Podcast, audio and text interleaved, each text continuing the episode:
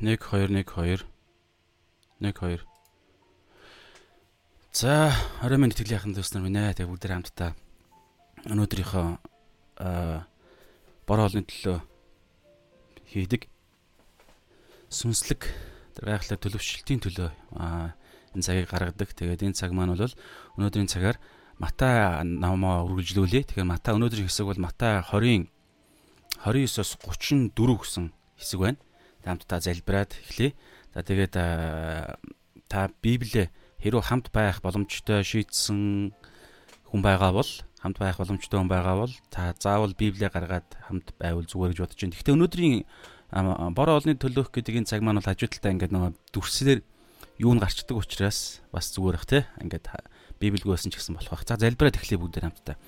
Эзэн минь өнөөдрийн цагаар дамжуулан та аа бидний удирдаач тэгээ бидэнтэй та яриач бидний оюун санааг шинчлээч эзэн бид зөв зүйл рүүгээ сүнслэг үнэн мөнхийн зүйл дээр эзэн цаг мөч төвлөрөхөд маань та удирдаач яа. Тэгээд энэ дэлхий дээр байгаа элдв янзын нөхцөл байдал саадуудаас эзэн та яг одоо бидний холдууч зөвхөн та өөрлөөг өөрийн үнэн рүүгээ үг рүүгээ та чиглүүлээч. Есүсийн нэрээр эзэн танд даатгаж байна итгэж байна. Амин за дуу нь асуудалтай байна уу гайгүй байна уу гэд бичээд өгөл талархах шүү гайгүй байвал эхлэе. Гайгүй хаа гэж бодож байна.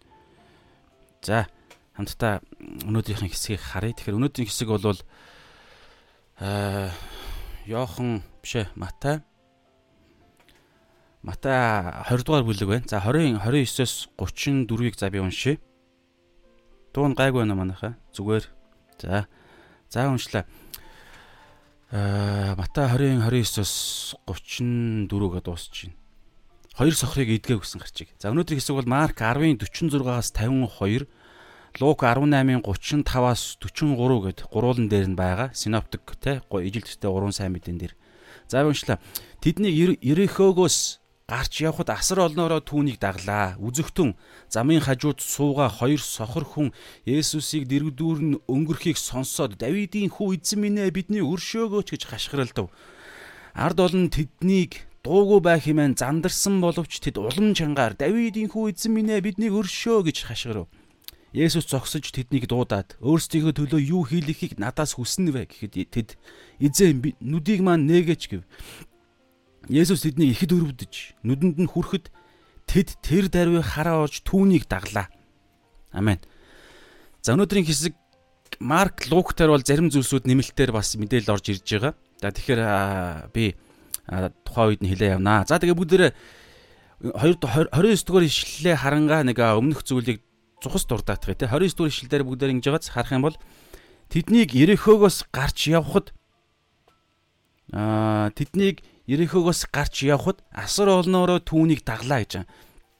Тэгэхээр Ерехогоос гараад явж байгаа хаашаа Иерусалимыг чиглээ явж байгаа. Тэгээд өнөөдөр 20 дугаар 20 дугаар бүлэг ингээд дуусч байгаа. Тэгэхээр 21 дугаар бүлэг эхлэх юм бол та хардаа 21 дугаар бүлэг эхлэх юм бол сүр жавхлантайгаар Иерусалим руу одоо ингээд орно. Иерусалимд сүр жавхлантай орж ирлээ гэж байгааз. Тэгэхээр энэ үйл явдал болж байгаа. Тэгэхээр Иерусалим руу сүр жавхлантайгаа орсноос хойш ойролцоогоор те 7 хоногийн дараа Есүс загламаа дөрвөн.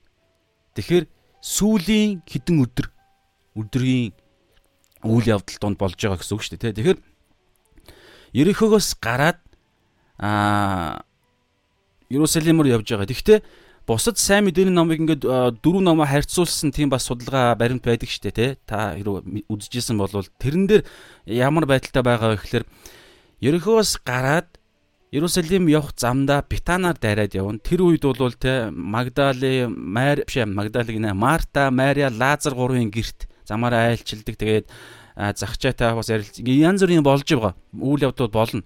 Тэгэхээр яа би зүгээр нэг зүйлийг л зүгээр нэг юм тайзыг босгох гол байна л да. Юу гэхээр Йохан 11 дугаар бүлэг дээр Есүс Лазарыг амьлуулж байгаа. Тэгээд амьлуулсны амьлуулсны амьлуулслах үед нь ард олон хараад зарим нь мэдээж гайхалтайгаар эзнийг магтаж итгэж байгаа. Зарим нь бол фарисеучудад очиж хэлж байгаа. Тэгээд тэрнээс болоод фарисеучуд түүнийг бүр алхахаар бүр сэтгэл шулуудаад бүр баримт бичиг гаргаа. Тэгээд тэндээс эхлээд ерөнхийдөө Есүсийн талд орсон хүмүүсүүдийг синагогоос хөөнөө гэд Тэгээд хилж харсан хүмүүсөө заавал мэдэх ёстой мостой гэсэн юм гарч байгаа байхгүй. Тэгэхээр үүнээс болоод Иерусалим Битанд ч тэ Марта, Мария, Лазар гэх энэ ах トゥ гуравч нь Битанд байдаг. Одоо энэ Ерөхөгийн урдхан тал байдаг. Ерөхөө Иерусалим хоёрын голд байдаг тосгон байхгүй юу? Тосгон. Тэгэхээр Битанд энэ үйл явдал болсон, эдгээсэн. Тэгээд фарисеучудад хуулийн багш нар түүнийг алах гэж оролцсон учраас бүр тодорхой шийдсэн учраас цаг нь болоогүй байсан учраас Есүс хойшоогоо ухраад одоо энэ Ерөхө хотын хойхон талд байдаг Ефраим гэдэг хот руу явсан байдаг. Дараагаар нь одоо энэ болохоор Ефрамаар Ефрамаас урагшаа явангуутлаа Ерөхөө Ерөхөөгөр дайраад тэгээд Иерусалим руу явах гэж байгаа үйл явж байгаа энэ үйл явдал гэхгүй. Тэгэхээр Ерөхөөгөр дайраад тэгээд Ерөхөөгөөс одоо гараад Иерусалим руу чиглээд явж байгаа. Энэ замд болж байгаа үйл явдал гэхгүй. Тэгээд ингэж явж байгаад шууд Иерусалим руу 21-р бүлэг эхлээд орчиж байгаа юм шиг боловч энэ дунд Мата номон дээр бичээгүй Йохан номон дээр бусад номууд дээр байдаг зүйлсүүд дунд нь болж байгаа шүү. Ямар ч байсан ингээд иймэрхүү үйл явдал болж байгаа. Тэгэхээр Ерөнхийгөөс гараад Иерусалимыг чиглээ явж байгаа. Тэ. Тэгэхээр энэ дээр бид нар бас та санаж байгаа бол Йохан 13 дээр ч гэсэн бид нар ярьсан Иерусалим явах зам гэдэг энэ хэллэгийг бид нэр сонсохдоо дамаа ингэж Библи судалж явах үедээ бид нар нэг зүйлийг бас бодох хэрэгтэй. Иерусалим руу яах гэж явж байгаа вэ? Есүс 3 удаа дагалдагч нартаа хэлсэн байдаг. 3 удаа. Тэгээд явж байгаа шалтгаан нь бол ерөөсөө л өхөл рүүгээ явж байгаа. 3 удаа эзэн хэлсэн бүр нэлээд зайтай 3 удаа. Тэгээд Ерөөсөлимд очиж алуулхаа хэлсэн, яаж алуулхаа, хинээр дамжуулан, ямар байдалтай харь харь үндэсний гат, харь хүмүүсүүдийн гарт тушаагдсан, тэднэрээр зодуулна, тэгээд оромжлуулна. Тэгээд 3 дахь удаа дээр 3 дахь удаагийнхаа иш үзүүлэг дээр хэлэхдээ загалмай дээр одоо энэ бас явж их замда загалмай дээр үхнэ гэдгээ хэлж байгаа. Тэгээ гурвуулан дээр нь 3 хоногийн дараа амилна гэдгээ хэлдэг. Ямар ч байсан гэсэн юу хэлэх гээд байна вэ гэхээр Иерусалим явж байгаа энэ замыг бид нар ингэж ойлгож болно гэсэн. Загалмайн зам. Загалмайн зам. Үхлийн зам. За тэгэд үхэл рүүгээ явж байгаа зам. Та дэлгэцийг харж байгаа бол үхэл рүүгээ явж байгаа зам. Үхлийн зам. Загалмайн зам бид Библийг судлахад цаашдаагаа ингээд шин гэрээний номуудыг судлахад эдгээр өгсүүд өгсүүдийг харахад Есүсийн явсан бодиттой өнөөдөр үдж байгаа энэ үйл явдалтай холбож бид нар боддог байх хэрэгтэй гэсэн санаагаар хуваалцах гэдэг юм л та. Үхэл рүүгээ явж байгаа зам. Жишээ нь Луг 9:22-оос 24 дээр юу гэж байгаа вэ гэхээр а та би уншия. Үхэл амьллаа энэ зөгнж байгаа. Энэ зөгнлийг бас энд яаж байгаа. Тэгэд 22-оос Луг 9:22-оос хүний хүү олон зовлон идэлж ахлагчид ахлах тахилч нар болон хуулийн багш нарт ард үзэгдэж алуулах ба 3 дахь хоног дээр амилнаа. Тэр тэдэнд тэгэд 23-аас тэр тэдэнд бүгдд нь хандаж хин нэгэн миний араас дагахыг хүсвэл араас нь дагаж хаашаа явж байгаа. Иерусалим руу загалмай руу гэсэн үхэл рүүгээ. Тэгэхээр одоо эндээс хардаа бидний итгэлийн амьдралын зарчим яригдж байгаа байхгүй энд. Тэр тэдэнд бүгдд нь хандаж хин нэгэн миний араас дагахыг хүсвэл тэр нь өдөр бүр өөрийгөө үгүйсгэж загалмайгаа авч намайг даг Энэ бол итгэгч Тэнгэрийн хаанчлалын иргэдийн амьдрах зарчим, амьдралын зарчим. Есүсийг явдаг, дагдаг зам. Хавчиг зам гэж ярьдаг. Авралт хүргэдэг. Матай дээр хэлж байгаа. Уулан дээр сургаал дээр. Тэгэд намайг даг 24-өөс хин амиа аврахыг хүсэн тэр түүнийг аалдна, хин миний төлөө амиа аалдна тэр түүнийг аварна гэж байна. Тэгэхээр энэ бидний өнөөдөр таны миний итгэгч хүн мөн болвол те яг жинхэнэ Есүсийг амьдралынхаа эзнээ болгосон итгэгч хүн болвол бидний амьдралын зам ямар зам гэж загалмайн зам Иерусалим руу явдаг зам, загалмайн зам, үхлийн зам гэж ярьдаг. Тэр утга Иерусалимийн зам гэдэг дээр бас нэг мэлэх юм бол илчил номон дээр хүртэл 20 20 20-оос хойш байгаа 20 дээр байгаа шинэ Иерусалим, шинэ тэнгэр газрыг бүтээгээд тэр шинэ тэнгэр газрын нийслэл хот болох шинэ Иерусалим хотод амьдрна. Итгэгчд мөнхөг улсад мөнхөд амьдрахтай. Тэр хотынх нь нэр нь Иерусалим гэдэг нэртэй химжээ нь хүртэл байгаа элч номон дээр та ингээд хэдэн бүр химжээтэй зарим нэг судлаачдын хэмжснээр бол одоо энэ сартай адилхан иймэрхүү химжээтэй шоо дөрүүлж хот гэж байгаа байхгүй. Тэгэхээр ойлгоход хэцүү юм дүрслэлээ илэрхийлж байгаа гэхдээ нэр нь бол тодорхой. Иерусалим гэдэг нэртэй. Шинэ Иерусалим гэдэг. Бидний мөнхөд амьдрах хотын нийслэл хотынх нь нэр. Гэхдээ том гариг дээр байдаг хот яриад шүү дээ тий. Тэгэхээр Иерусалимын зам, үхлийн зам. Өнөөдөр энэ дэлхий дээр бид амьдрахдаа өдөр бүр Луг 9:22-оос 24 дээр хэлсэнчлэн өдөр бүр өөрийгөө үгүйсгээд буюу өөрийгөө өхүүлээд хуучин хүнээ Эфес 4 дээр хэлж байгаа хуучин амьдралын хэм маяга хүсэл тачаалаар залим ихээр хуурдаг хүсэл тачаалаа ялзарч байгаа хүсэл тачаалаа өдөр бүр загалмайдаар хадаж өхүүлэх гимшил ярьж байгаа гимшлийн амьдрал ингэж тэгээд загалмайгаа аваад буюу Есүсийн хаанчлалын төлөө Есүс Бурхны хүслийн төлөө Есүсийн үгийг хэрэгжүүлэхийн төлөө буюу бусдын авралын төлөө л гэсэн үг. Хамгийн наан тодорхой нь бол тэгээд эн чинь цаашаа янз янзаар илэрхийлнэ. Тэгээд хайрын зам бас. Йохан 13-ын 1 дээр юу гэж байгаа вэ гэхээр Йохан 13-ын 1 би уншия. Энэ ертөнцөөс салж эцэг өөдөө очих цаг нь болсныг алгасал баяраас өмнө Есүс мэдээ дэлхийд байсан өөрийнхнийгөө хайрлаж байсан тул тэднийг эцсээ хүртэл хайрлав. Ингээд хитгэн цагийн дараа загалмай дээр өхөн. А хитгэн цагийн яг маргааш нь өхөн. Ер нь одоо энэ одоо одоогийн Ромын цагаар бол өдрийн 3 цагт. Георгийн цаг гэдэг лөө. Өдрийн 3 цагт 12-оос 3 цаг хүртэл нар харанхуулж ягаад 3 цагт загалмай дээр өгч байгаа. Тэгэхээр хитгэн цагийн дараа өгөхөөс өмнө эцсээ хүртэл хайрлаг буюу хөлийг нь угааж үйлчилдэг. Боол болж үйлчилдэг. Тэгээд загалмай дээр өхөлж эцсээ буюу үхэл хүртэл хайрлаж байгаа. Энэ зам чинь бидний зам. Тэгээд үйлчлэлийн зам Матай 20-28 өнөөдрийн бидний 29-с эхэлж байгаа өмнөх ишлэл харах юм бол ингэж байгаа. Үүнчлэн хүний хүү үйлчлүүлэхийн тулд бус харин үйлчлэхийн тулд мөн олонний төлөө амиа золиос болгон өгөхийн тулд ирсэн билээ. Тэрээр амьдрахдаа үйлчлүүлэхийн тулд биш үйлчлэхийн тулд амьдрсан. Тэгээд амьдралаа дуусгахдаа үхтэй хүртэл олонний төлөө өгсөн гимгүү байсан мөртлөө. Тэгэхээр энэ зам чинь өөрөө Иерусалимийн зам, загалмайн зам, хайрын зам, үйлчлэлийн зам, авралын зам, одоо юу гэдгийг сайн мэдээний зам, бидний зам багхгүй юу? Бидний амьдрах зам. Тэгээ энэ аа би нэг ишлэг гаргахаа мартчихлаа. Одоо гаргахаа үзэтгэе. Магта 7 дээр байна уу 6 дээр байгаа. Юу вэ гэхээр бидний явах авралт хүргэх ганцхан зам байгаа. Йохан 14-ийн 6 дээр цорын ганц зам За зам үнэн аим. Цорын ганц зам болвол эцэг төрөх цорын ганц зам бол би гэж байгаа Есүс. Аа яам гэдэг хэллэгийн 6 дахь хэллэг нь. Йохан дөр 7 удаа би бол би байгаа юм гэж хэлдэг. Тэрний цорын ганц зам байгаа амьдр бурханд хүрдэг. Тэр замыг Матай Матай за би Матай 7 дээр байгаа хаа. Та харж байгаа бол ингээд хажууд нь хараад яваарай. Матай 7-гийн ихэнх хэсэгт байдаг санагдаж байна. Нэг бол Матай 6 дээр байгаа 23 дээр байна уу? Аа тийм Мата 7-гийн 13 дээр байна тий. 13 14 дээр. За та харж байгаа бол хавчиг хаалгаар ор. За эхлээд авралт хүргэдэг хавчиг хаалга байна. За ингээд нэг харин авралт хүргədэггүй сүрэлд хөтэлдэг хаалга нь бол уужим зам нь өргөн. Энэ бол Есүсээс Есүсээс бусад бүх зүйл гэсэн үг.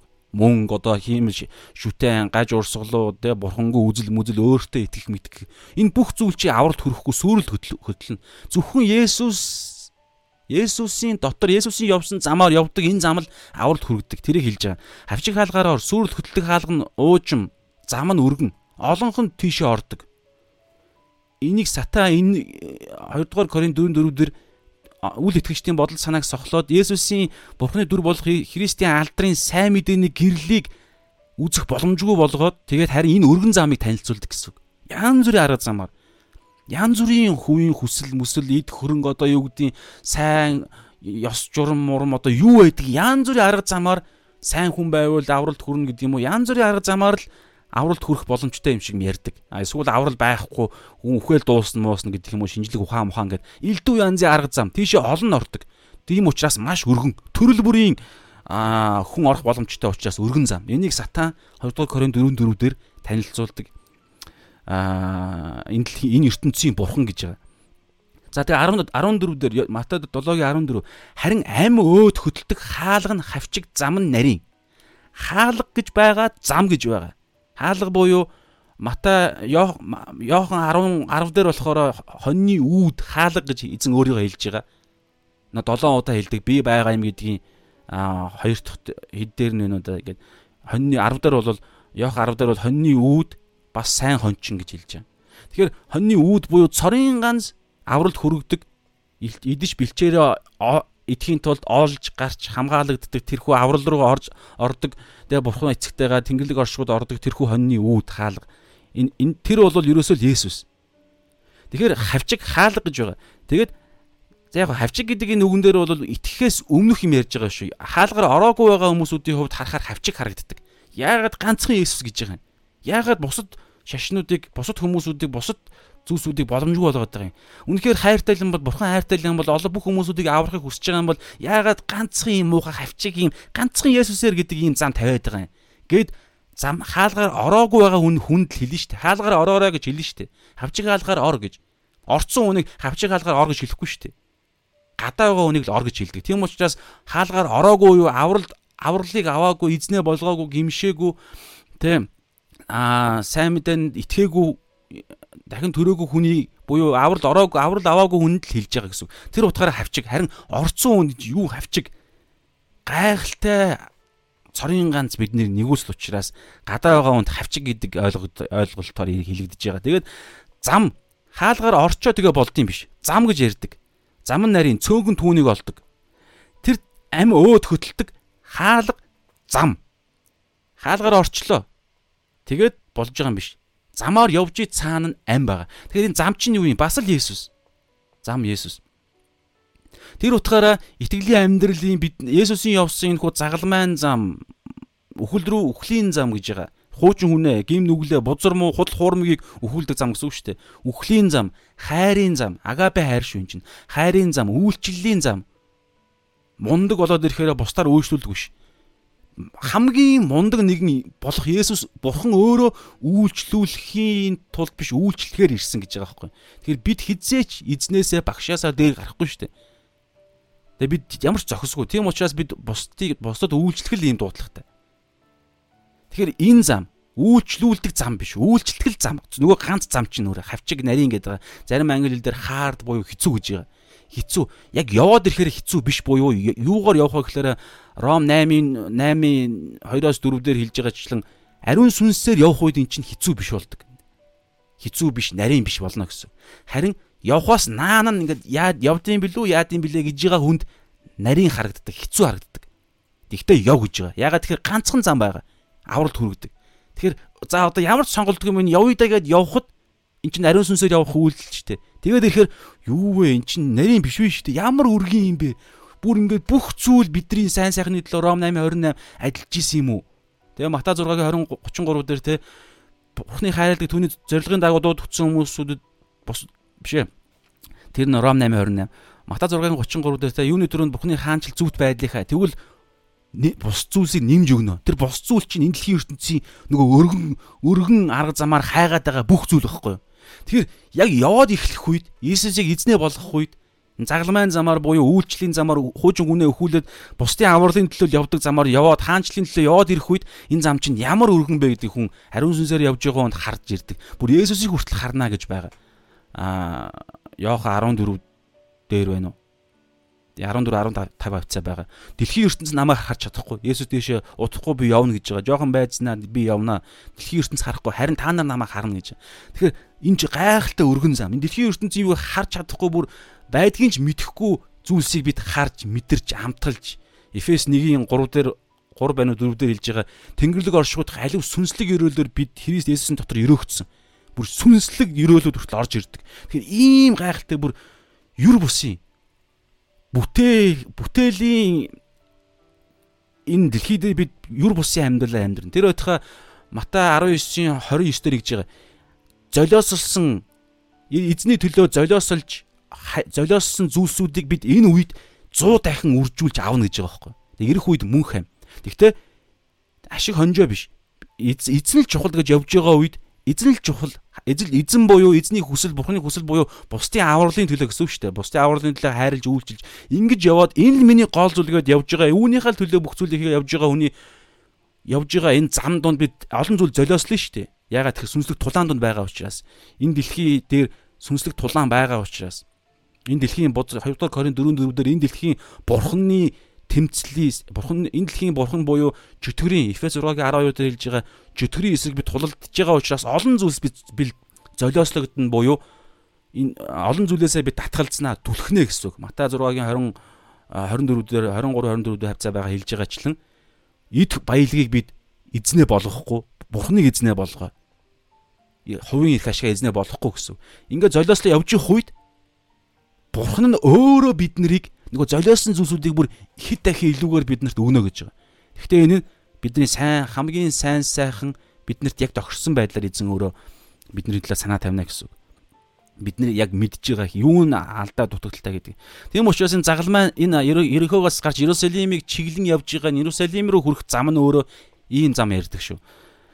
За тэгээд 29 дээр бас тэгж байгаа олноороо олноороо түүнийг дагуу. За энэ дээр бас ингээд судалж байгаад бас бодогдсон юм юу гэхээр Матай 9-ийн та 30 аа Матай 9-ийн 35-аас 38-ыг харах юм бол ингэж байгаа ургацсан наривж ажилчтан цөөн гэсэн гарчиг байна те. Есүс нийт хот тосгодоор явж синагогуудад зааж хаанчлалын сайн мэдээг тунхаглаж бүх төрлийн өвчин эмигийг эдгэж байлаа. Хүмүүсийг хараад тэр өрөвдөжээ. Өнөөдөр тэр өнөөдөр бас энэ сохор хүнийг хоёр сохор хүнийг хараад бас өрөвдөнө гэдэг үг нь бас орж ирж байгаа тийм. Тэр хүмүүсийг хараад өрөвдөжээ. Учир нь тэд хончингүү хонь мэт хаягдан туйлдсан байлаа. Тэгэхээр Тэгээд 37 дээр Тэгээд тэр шав нартаа хэлэхдээ ургац арвинч адилчид цөөн байна. Тиймээс ургацтай адилчид явуулахыг ургацын эзнээс гуйцгаа. Есүсийн цаг үед ийм байсан. Одоо бүр илүү байгаа. Бүр илүү байгаа нэг талаараа нөгөө талаараа бүр илүү юу гэдгийг ургац хураах боломж боломж нь нээгдсэн. Тэгэхээр ургац Арвин гэдэг нэг юу хэлж байгаа гэхээр та өмнөх хишлийг харах юм бол ингэж байгаа. Есүс нийт тосготоор явж синагогуудад зааж хаанчлалын сайн мэдээ тунхлаж бүх төрлийн өвчин эмгийг идээж байлаа гэдэг. Тэг хүмүүсийг хараад тэр өрөвдөж яагаад өрөвдсөн бэ гэхээр тэд хонж учир нь тэд хонжингүү хонь мэд туйлдсан байлаа. Оюун санааны хувьд, сэтгэл санааны хувьд, махуудын хувьд, сүнсний хувьд үхмэл угаасаа. Тэгээд сэтгэл санааны хувьд хончингүү, эзэнгүү, ямар ч зориггүй бүр ингээ үхэл рүүгээ тугд тэ үхэл рүүгээ тугдж байгаа тэ адгуус амтэн шиг Тэгээд махуд нь төрөл бүрийн өвчнөөр дүүрэн өнөөдөр бас нэг өвчнийг нийт идгэх гэж байна. Өнөөдөр бидний амьдралд бас адилхан юм байна. Тэгээд энэ бүгдийг хараад юу гэж хэлж байгаа вэ гэхээр эдгээр хүмүүсүүдийг хараад эдгээр дэлхийн нөхцөл байдлыг харангуутлаа бурхан юу ямар юу гэж харж байгаа вэ гэхээр ургац гэж харж байгаа байхгүй ургац. Цаг нь харахад одоо энэ дээр тиймээс тэгээд тэр шав нартаа ургац ариунж адилчид цөөн байна. Ургац ариун байгаа тэр том талбайг харж байгаа байхгүй эзэн. Тэгээд яагаад ургац гэж байгаа гэхээр бүр ингээд боловсроод бэлэн болцсон. Юунд бэ гэхээр бүгд зовлон зүдгүүртэй худал хуурмагтаас болоод бүгд аврал хэрэгтэй, бүгдэнд идэгрэл хэрэгтэй, бүгдэнд хайр, нулимсыг нарчих, тайтгаруулах халуун өвөртөө тэрвэрх хайр бурхан нь аврал нь идэгрэл нь хэрэгтэй хүмүүсүүд хар мянгаараа байгаа байхгүй. Энийг ургац гэж яриад байгаа. Тэгэнгүүтлээ нэг бодиттой бас нэг факт байгаа. Тэр нь юу вэ гэхээр энэ бодиттой хүмүүсүүдэд хүрэх хүмүүс нь цөөхөн байна. Есүсийн үед бүр цөөхөн байгаа. Одоо эн чинь дөнгөж аврал эхэлж байгаа. Тэгээд үүс 1-8-аас эхлээд Иерусалим, Юдэ, Самар гэдэг дэлхийн ертөнцид тархаж байгаа. Ингээд тархахт нь хүртэл Мата авшаа манай эртний 70 оны тэгээ Иерусалимийн а сүйтгэсэн сүйтгэл Иерусалим хотыг юу өчгөө болгосон тэрхүү хавчлага зовлонгоор дамжуулж алд хүчээр тарааж байгаа. Тэгээ ингээд цаашаага тараад ингээд 2990 онд Монголд орж ирсэн. Гэхдээ Монголд орж ирсэн ч гэсэн одоо итгэгч хүмүүсүүд өөрийнхөө хувь хүн Есүс Есүсийн сайн мэдгийг сонсоод би аврагдсан. Йохан 6-гийн 40-дэр хэлж байгаа Бурхны хүсэл, эцгийн хүсэл бол хүүд итгэж мөнх амьтаа байх л гэж байгаа. Тэгээ энэ энэ хүслийнхэн дагуу надад биелдсэн Бурхны хүсэл. Тэгээд тэгэнгүүтлээ хүн яаж байгаа гэхээр би аврагдсан юм чинь тэгэл болоо гэх гээд байгаа байхгүй. Эн чинь болохоор зөвхөн хаалгана. Түрүүн хэлсэн Матай 7-гийн 10 үед дээр хэлж байгаа. 13 байсан уу тий. Энэ бол зүгээр л хаалга штэ. 13-аас 14. Тэгээ энэ хаалгаараа ороод болт юм биш. Аврал ийм ярьдаггүй. Тандаа хоёр юм ярьдаг. Хаалгаар ороо тэгээд замаар нь явж иж цаана аврал байгаа. Тэгвэл юу гэдгийг эн чинь ингээд нэг юм олон хэмжигдэхүүн ойлголч. Аль гизэнэ бид аврал автсан тэнгэрлэгээ оршихуд бурхны эзэм бурхны хаанчлалын хуваалцагч нар Есүсийн дотор орцсон мөртлөө энэ дэлхий дээр бас байгаад байгаа байхгүй юу? Яг бодиттой аваагүй. Бод яг аль гизэнэ автсан гэхдээ хараахан аваагүй гэдэг Библи теологчдын хэллэг байдаг. Тэгэхээр яг ийм байдалтай байгаа. Тийм учраас одоо бид Иохан 6-гийн 40-дэр хэлж байгаа би бурхан хүүдэн итгэж мөнх амьтаа байх нь бурхан аавын хүсэл. Миний миний хувьд биелдсэн. Гэхдээ бусдын маань хувьд нөгөө ургацсуудын хувьд биелээгүй байхгүй. Монгол ахын дүүсний хувьд 90 онд орж ирсэн ч гэсэн би жишээ нь 2003 онд баптизм хүртсэн. Тэгээ би аврагдсан. Тэгэл болоо биш байхгүй. жишээ нь миний хамаатнуудаас аврагдаагүй зөндөө байгаа шүү дээ. Хөршайлуудаас ч юм уу те. Тийм учраас яах вэ гэхэлэр замаар нь явна. Есүс явсан замаар явна. Тэр олон хүмүүс ургац зарим олон Есүсийг асар олноороо энэ Иерусалим буюу үхлийн зам руу хажууд дагаа яваад байгаа шүү дээ. Үх яг гоо тэд нар мдээгүй л дээ. Гэхдээ Есүс өөрөө мэдчихэе бүх хүмүүсүүд Есүсээс юм авъя авъя гэдэг байгаа байхгүй. Бүгд өлсөөд ургац сураац намаа хураагаач би ургац байна намааг аваач би тэгээ одоо хувь тавилан руугаа оръё. Тэгээ ургацаар яг илэр хэлж байгаа. Тэгэхээр энэ зүйл байгаа. Тийм учраас бид Йох Матадлогийн 13 14 дээр хэлсэнчлэн бид замаар нь явна. Ингэж ижил энэ аврал чинь өөрөө бидний хувьд маш бодтой тэр аврал аврагдсан хүн хаанчлалын тогтолцоонд бид ордог шүү. Ийм ярьж байгаа. Тэгээд тэгээ энэ дээр ингэж аа Матай 9 дээр ингэж байгаа байхгүй юу? Ургац ариунч адилчид цөөн байна. Энэ бол зүгээр факт. Энийгээс хэлсэн.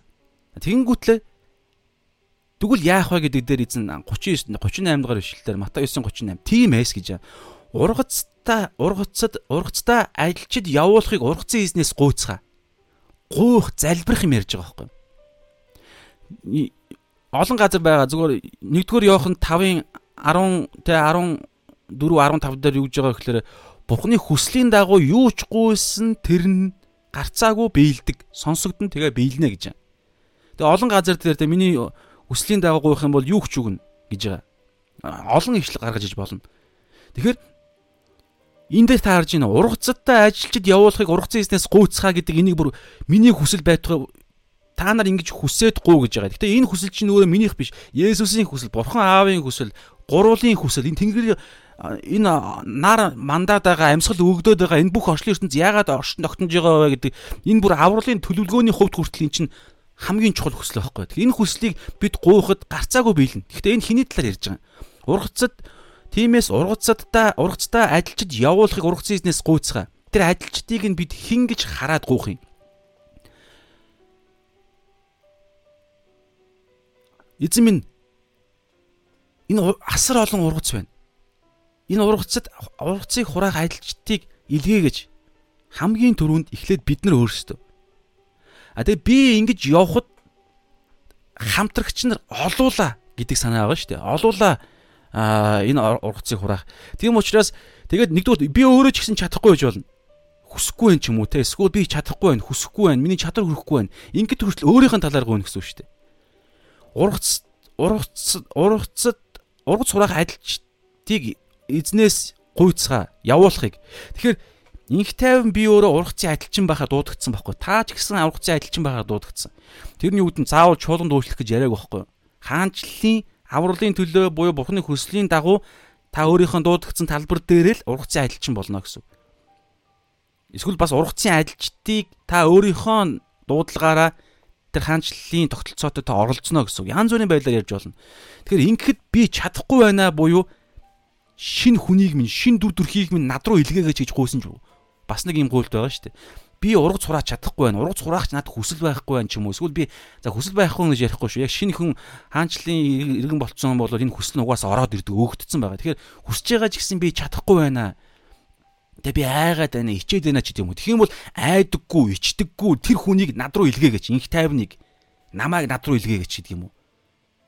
Энд чинь ариун сүнсний ирсэн зорилго чи ерөөсөө энэ байхгүй. Йохан 14, 15, 16 дээр байгаа 26 дээрч байгаа а 10 14 26 15 26-г олон газар байгаа. Есүс ариун сүнс ирсэн зорилго бол ерөөсөө Есүсийн хүслийг Есүсийн хүслийг биелэхэд нь л биднэрт биелүүлэхэд нь л биднэрт туслахаар ирсэн буюу Библийн үгийг хэрэгжүүлэх буюу би би бусдын авралын төлөө явхад ариун сүнс надад туслахаар ирсэн. Тэгэхээр ариун сүнс миний дотор байгаа юм бол энэ залбирлыг хийхэд ариун сүнс биднэрт туслана гэсэн үг. За ингээд иймэрхүү юм ярьж байгаа шүү. Тийм учраас энэ гуйх гуйлтын чинь цаана маш тодорхой хариулт орж ирнэ гэсэн. Яг ингэж гуйх юм бол ургацын төлөө өөрийнхөө төлөө биш. Би айл эзэн ургац болоо хураагдсан. Гэхдээ бусдын төлөө би одоо ургац хураах адилчин болгохоор дуудагдсан байхгүй юу? Агуу захимжлаа тэгж байгаа шүү дээ. Тэгээ амьд байгаад байгаа учраас цаг нь болоод өччих юм бол ярихдаггүй шүү дээ. Яагаад амьд байгаад байгаа? Яагаад ам өглөөд өглөө болгон нар мандаад байгаа? Зориг байгаа. Бид бурхны хамтрагчд болохоор өглөө болгон өгдөж байгаа шүү. Түүнээсээр энэ дэлхий дээр зүгээр айл гэрдэж тоглохын тулд биш. Тэнгэрийн улсад ихнэр нөхөр гэж байхаа болно шүү дээ. Энэ дэлхий дээр амьдарж байгаа зориг нь хаанчлын төлөө амьдрна. А ингийн амьдр ингэж амьдарч байх хугацаад нөгөө туслагч маань, ихнэр маань, үр хүүхдүүд маань өгдөн штэ. Гэтэ гол зорилго нь айл гэрдэж за би жоохон хэтрүүл ярьж байгаа. Айл гэрдэж тоглохын тулд мөнгө олоод энэ мах бодоо тижээгээл мах бодоо хооллохын тулд л амьдраад байгаа юм биш. Ганц л зорилготой. Есүсийн ирсэн зорилго. Өглөө болгон нар мандж байгаа дэлхийн ертөнцийг бурхан уур хилэнгээрээ биш өршөөл нэгүслээр нэгүслээрээ уур хилэнгээ халгалаад тэгээ энэ дэлхийн ертөнцийг байлгаад байгаа зорилго нь ганцхан зорилготой. Айл гэрдэж тоглуулах биш те а мах бодийг тижээх мижих биш. Ганц л зорилготой. Юу юм? Ургуц сураах. Тийм учраас энэ гуух хүсэл чинь маш тодорхой байх. За цаашаа бүгд дээр 30 дээр тэгэхээр юу гэж байгаа вэ гэхээр ингээд Иерусалимаас Ерөхөөс гараад Иерусалим руу явах замд хажууд нь яасан бэ гэхээр үзэгтэн замын хажууд сууга хоёр сохор хүнийг Есүс дэрвдүүр дэрвдүүр нүнгэрхийг замын замын хажууд сууга хоёр сохор хүн Есүсийг дэрвдүүр нүнгэрхийг сонсоод сохор хүн шүү дээ харж чадахгүй сонсоод за юу гэсэн бэ гэхээр Давидын хүү эзэн минь ээ бидний өршөөгөө гэж хашгиралдав хоёр хүн байсан хашгиралцсан за бусад Марк Лук дээр бол хоёр хүн гэж гардаггүй нэгхэн хүн. За тэр тусмаа аа Лук Марк дээр бол бүр түүний тэр хүний нэр нь гарч байгаа. Тимайн Тимайн хүү Бартимай гэдэг хүн. За тэгээ Марк Лук дээр хуулийн дээр тэр хүн гуйлахчин байсан гэж гарч байгаа. Гуйлахчин байсан. За яагаад Библи ингэ зөрчилдөд байгаа юм биш үү? Синоптик сайн мэдээ буюу ижил төстэй энэ гурван сайн мэдээ ижил төстэй мөргсөн мөртлөө хоорондоо зөрчилдөөд өштэй гэдэг ойлгох хүмүүс тэгж ярих гад байдаг. Та ч гэсэн тийм гарч ирвэл битгий тэгж яагаараа одоо тэр бодолтоо битгий бүдрээрээ. Юу вэ гэхээр олон газар Библи ингэж ярьдаг. Одоо жишээ нь та санаж байгаа бол Галилд Гали Декабол руу гараад Галил нуурын цаана байдаг Декабол 10 хот бүхий Декабол хуучин хари үндэстэн байсан. А одоо тэгээд Грекийн дотор Грекээр дамжуулан Ромуудаа дамжуулан нэгдсэн шүү дээ. Тэр утгаараа Декабол гэдэг хари үндэстний хот واخгүй уг нь бол тэнд Есүс очихоор гол Галил нуурыг гатлаад очих үед өөдөөс нь хоёр чөтгөр шүглсэн ирдэг. Гэхдээ легион буюу түмэн гэдэг нэг л хүн гол дүр нь болж ярддаг. Энэ мэдчлэн зүгээр яадаг вэ гэхээр яг төлөөлдөг нэг хүн нь төлөөл төлөөлөгчийг нь бичих иймэрхүү тохиолдол Библиэд байдаг шүү. Тэгэхээр Тимайн Бартамай Тимайн хүү Бартамай гэдэг энэ хүн бол хоёр хүнийх нь нэг нь л байсан гэсэн үг. Хоёулаа сохор хүн, хоёулаа гуйлагчин. Тэгээ хоёулаа хашгиралцсан. Тэгээд нэг нь ерөнхийдөө бол төлөөлж ярьсан гэсэн үг. Эсвэл нэг нэг хүний гол дүр нь болгосон гэсэн. Тэгэхээр гуйлагчин байсан гэж та ойлгоорой. За энэ гуйлагчин гэдэгтээ хамааралтайгаар бид нар яах юм бол сүүлдээ та өнөөдрийн хэсгийн төгсгөл харах юм бол тэд нар эдгэрж байгаа. Эдгрээд дараагаар нь яах дараагаар нь тэдний хийх сонголтыг та анзаараарай. Өмнө нь одоо бол тэд нар сохор байгаа. Тэдний хувьд ганцхан боломж нь гуйлахгүй байна. Тэгээ бас нэг ойлголт байгаа.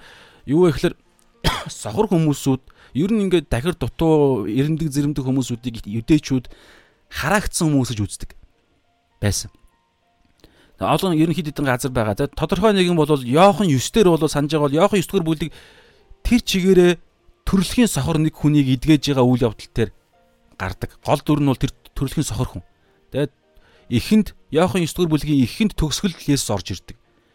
Эхний хэсэг дээр нь Йохан төрөлхийн сохор хүнийг эдгээчдэг. Дараагаар нь эдгэрснийх нь дараагаар нь очиж ярилцдаг. Тэгээ энэ дунд чинь нөгөө нэг төрөлхийн сохор хүн эдгсэн хүнийхээ өөрийг нь эдгэсэн Есүсийг Есүсийн талаар бүр санхедрынд очиж гэрчилж бүр ингээд тэд нартай мэтгэлцэж тэгээ синагогоос хөөгдөж мөгдөж энэ гайхалтай эдгэрсэн зүйлийнхаа төлөө гол дүрд ингэж одоо юу гэдгийг үнний төлөө тэр хүн тэмцдэг. Тэгээд төгсгөл дээр нь аврал авдаг. Тэгээ энэ дунд Йохан 9 дээр таарах юм бол ингэж байна. За 1 2 дугаар ишлэг уншия. Яхаа 9 1 2. Есүс явж өнгөрөхдөө төрөлхийн сохор хүнийг харжээ. Шавнар нь за одоо сонсороо та. Раби хэн нүгэл үйлдснээс энэ сохор төрсөн юм бэ? Энэ өөрөө юу эцэг эцэг их нү гэж асуусан. Тэгээд тэд нар тийм ойлголт байсан. Зөвхөн төрөлхийнч биш. Ерөн сохор, дахир дутуу, уймун зуймунга ямар нэгэн гажиг өвчтөөл хүн байх юм бол идэвшгүй өвчтөө хүн байх юм бол энэ хүн бухнаар хараагдсан гим нүглийн өр төлөөс та Йовыг санаж байгаа бол тэгэл гурван найз нь бөө юм болдог шүү дээ Йовыг. Тэгээ шууд тийм ойлголт байдаг юдэчүүд Библийн тийм ойлголт. Ер нь бол энэ нэг тийм буруу ойлголт бас биш. Гэхдээ төгс байнга юм байна гэж биш. Одоо та харах юм бол ер нь яагаад вэ гэхээр өвчин зовлон чинь нүглээс болж ертөнцид орж ирсэн шүү дээ Ром дээр байгаа. Тэгэхээр энэ ерөнхий ойлголтын дагуу юдэчүүд бүгд тэгж ойлгодог. Тэгээд Тэгэнгүүтлээ одоо юу гэдгийг өөрсдийгөө гол нь ялгаатай гэдэг дүгнэлтийг гаргаад ирэхээр л бүдрээд байгаа байхгүй юу?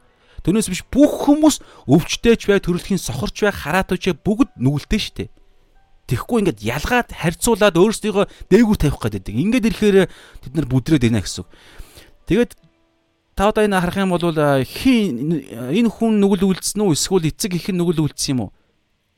Сонио асуулт. За энэ яг энтэй хамааралтай та Шалан study дээр Йохан итгэн шидэх цагийн Йохан 9-ийн 1-ээс за одоо 1-ээс 9 дугаар бүлэг тэр чигээрээ тэгээ хид хідэн хуваацсан библи судал хийцэн байгаа шүү. Та тэр хэсгийг цаг зав гаргаад үзэх юм бол илүү дэлгэрэнгүй байгаа. Маш гоё юу гэдгийг судалгаа их хийсэн учраас боломжоор Тэгэхээр тэн дээр ингээд Есүстэй юунаас болоод энэ хүн сохор байгаа юм бэ гэж асуухад Есүс хариулыг хариулт нь 3 дугаар эшлэл дээр энэ энэ хүнч биш эцэг ихэнч биш нүгэл үйлснээс энэ хүн сохор байгаа юм бишээ. Одоо ялгааг нь таараарай. Харин энэ бол Бурхны үйлсийг түүгээр харуулахын тулд юм а гэж. Яг энэ тохиолдолд гэсэн үг байхгүй. Тухайн сохор хүн ягаад тэгэхээр Библийн цаг үед байсан Есүсийг явж өнгөрөх хажууд нь байхаар яг ингэж таарсан учраас ч гэдэг юм уу те. Тэгэхээр за ингээд тухайн цаг Библи хэсгийг Библи судлалын хамааралтай хэсгийг харах юм бол та бас өөрөө олон юм мэдэх боломжтой. Тэгээ юу хэлэх гээд байна вэ гэхээр хүмүүсүүд тэгж боддог байсан. Төрөлхийн сохор хүн, сохор доглон те ингээл элдв янзын саа өвчтэй хүмүүсүүдийг гим нүгэлтэй. Тийм учраас аа яадгүй гэхлээр тэд нар синагогт ч ордоггүй, оруулдаггүй. Тэгээ ажиллаж ажиллаж олдохгүй шүү дээ сохор хүнийхээ ажил болох үү. Тийм учраас ганцхан боломж нь гуйлахгүй. Лук Марк дээр хэлж байгаа гуйлах чинь байсан гэж. За тэгээд а нэг хүн үү хоёр хүн үү гэдэг би түр ярьсан те. Тэгээд тэдний хэлсэн үг 30 дугаар ишил замын хажууд хажууд суугаа хоёр сохор хүн те Есүсийг нэрвдэр өмөрхийг сонсоод за одоо энэ хэлсэн үг сонирхолтой. Давидын хүү эзэн минь ээ биднийгээ өршөөгөөч хэлж байгаа. За би ингээд судалж байгаа зүгээр ингээд яасан л да. Нэг давтаад байгаа юм шиг санагдсан. Урд нь би энийг судалчаагүй лөө гэж бодсон байхгүй. Тэгээд ингээд бод санаад бодоод хайх үед бол мар мата 9 дээр түрүүн мата 9 дээр түрүүн нэг ургацсан зарим ажилчид цөөхөн гэдгийн өмнө өмнөхөн талд нь яаж байгаа вэ гэхээр яг энэ үйл явдал болж байгаа. Хоёр сохрыг идгээ. 27 Мата 9-ийн 27-оос 31 дээр Тэгвэл энэ ингээд давтаад байгаа мөхөр үгүй. Ийм тохиолдол хоёр удаа гарсан гэсэн. Матай 9 дугаар бүлгийн энэ аа сохор хүн болвол Галилд байхад Есүсийн үйлчлэлийн эхний жилүүдэд болсон үйл явдал. Харин одоо энэ Матай 20 дугаар бүлгийн энэ 27-оос 29-оос 34 дээр болж байгаа энэ хоёр сохор хүн болвол Есүсийн бүр сүүлийн хитгэн өдрүүд хэд сүүлийн өдрүүдэд а нөгөө Матай 9 дээр бол эхний жилүүдэд эхнийх нь 1 2 дугаар жилийн маш эхнийхээ үед болж байгаа үйл явдал. Галилед, Галил аймагт. Энэ бол Юдэ аймагт бүр Иерусалим руу явж их замда. Ерөхөөс Питан руу явж их замд. Тэгэхээр хоёр ялгаатай. Гэхдээ хуйлан дээр нь харах юм болно шүү дээ, тэ. За энэ 9 дээр бол төрөлхийн сохор хүн байсан. А төрөлхийн сохор биш. А тэр бол өөр би түрүү Йохантай андуураад. Энэ дээр бол сохор хүн. Гэхдээ энэ дээр болохоор яаж хуйлан дээр нь яаж байгаа вэ гэхээр нэг зүйлээр хэлж байгаа. Маш сонирхолтой, Библи их сонирхолтой байхгүй юу? Давидын хүү гэдэг үгийг хэлж байгаа. Давидын хүү минь ээ биднийгээ өршөөгөөч та хартаа. Матай 9:27. Давидын хүү минь ээ биднийгээ өршөөгөөч. За энэ үг. Өнөөдөр Матай 20-ын аа 20-ын 30 30 дээр те Давидын хүү минь ээ за эзэн минь ээ гэж орж ийн биднийгээ өршөөгөөч. Хоёр сохор хүн энэ залбирлыг хийж байгаа. За бид дээр дахиад нэг холбоос олсон. Аа гаргаж юу гараагүй нөө Юунд би гаргаагүй юм шиг байна.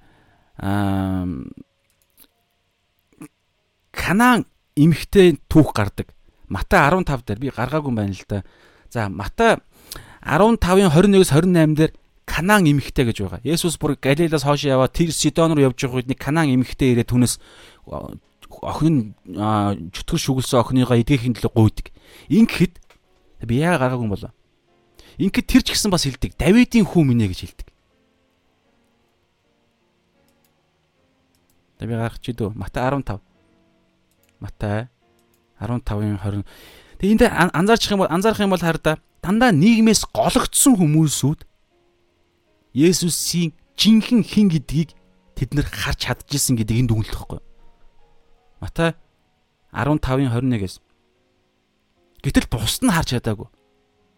Итгэж чадаагүй. Тэр өтгөө бүр байн хажууд нь юу гэдгийг дагаж явж исэн фарисеучуд олон хүмүүсүүд асар олон гайхамшгууд нь үлдсэн мөртлөө чадаагүй. Харин эднэр энэ сохор хүмүүсүүд сонсч ирсэн болохоос хараагүй.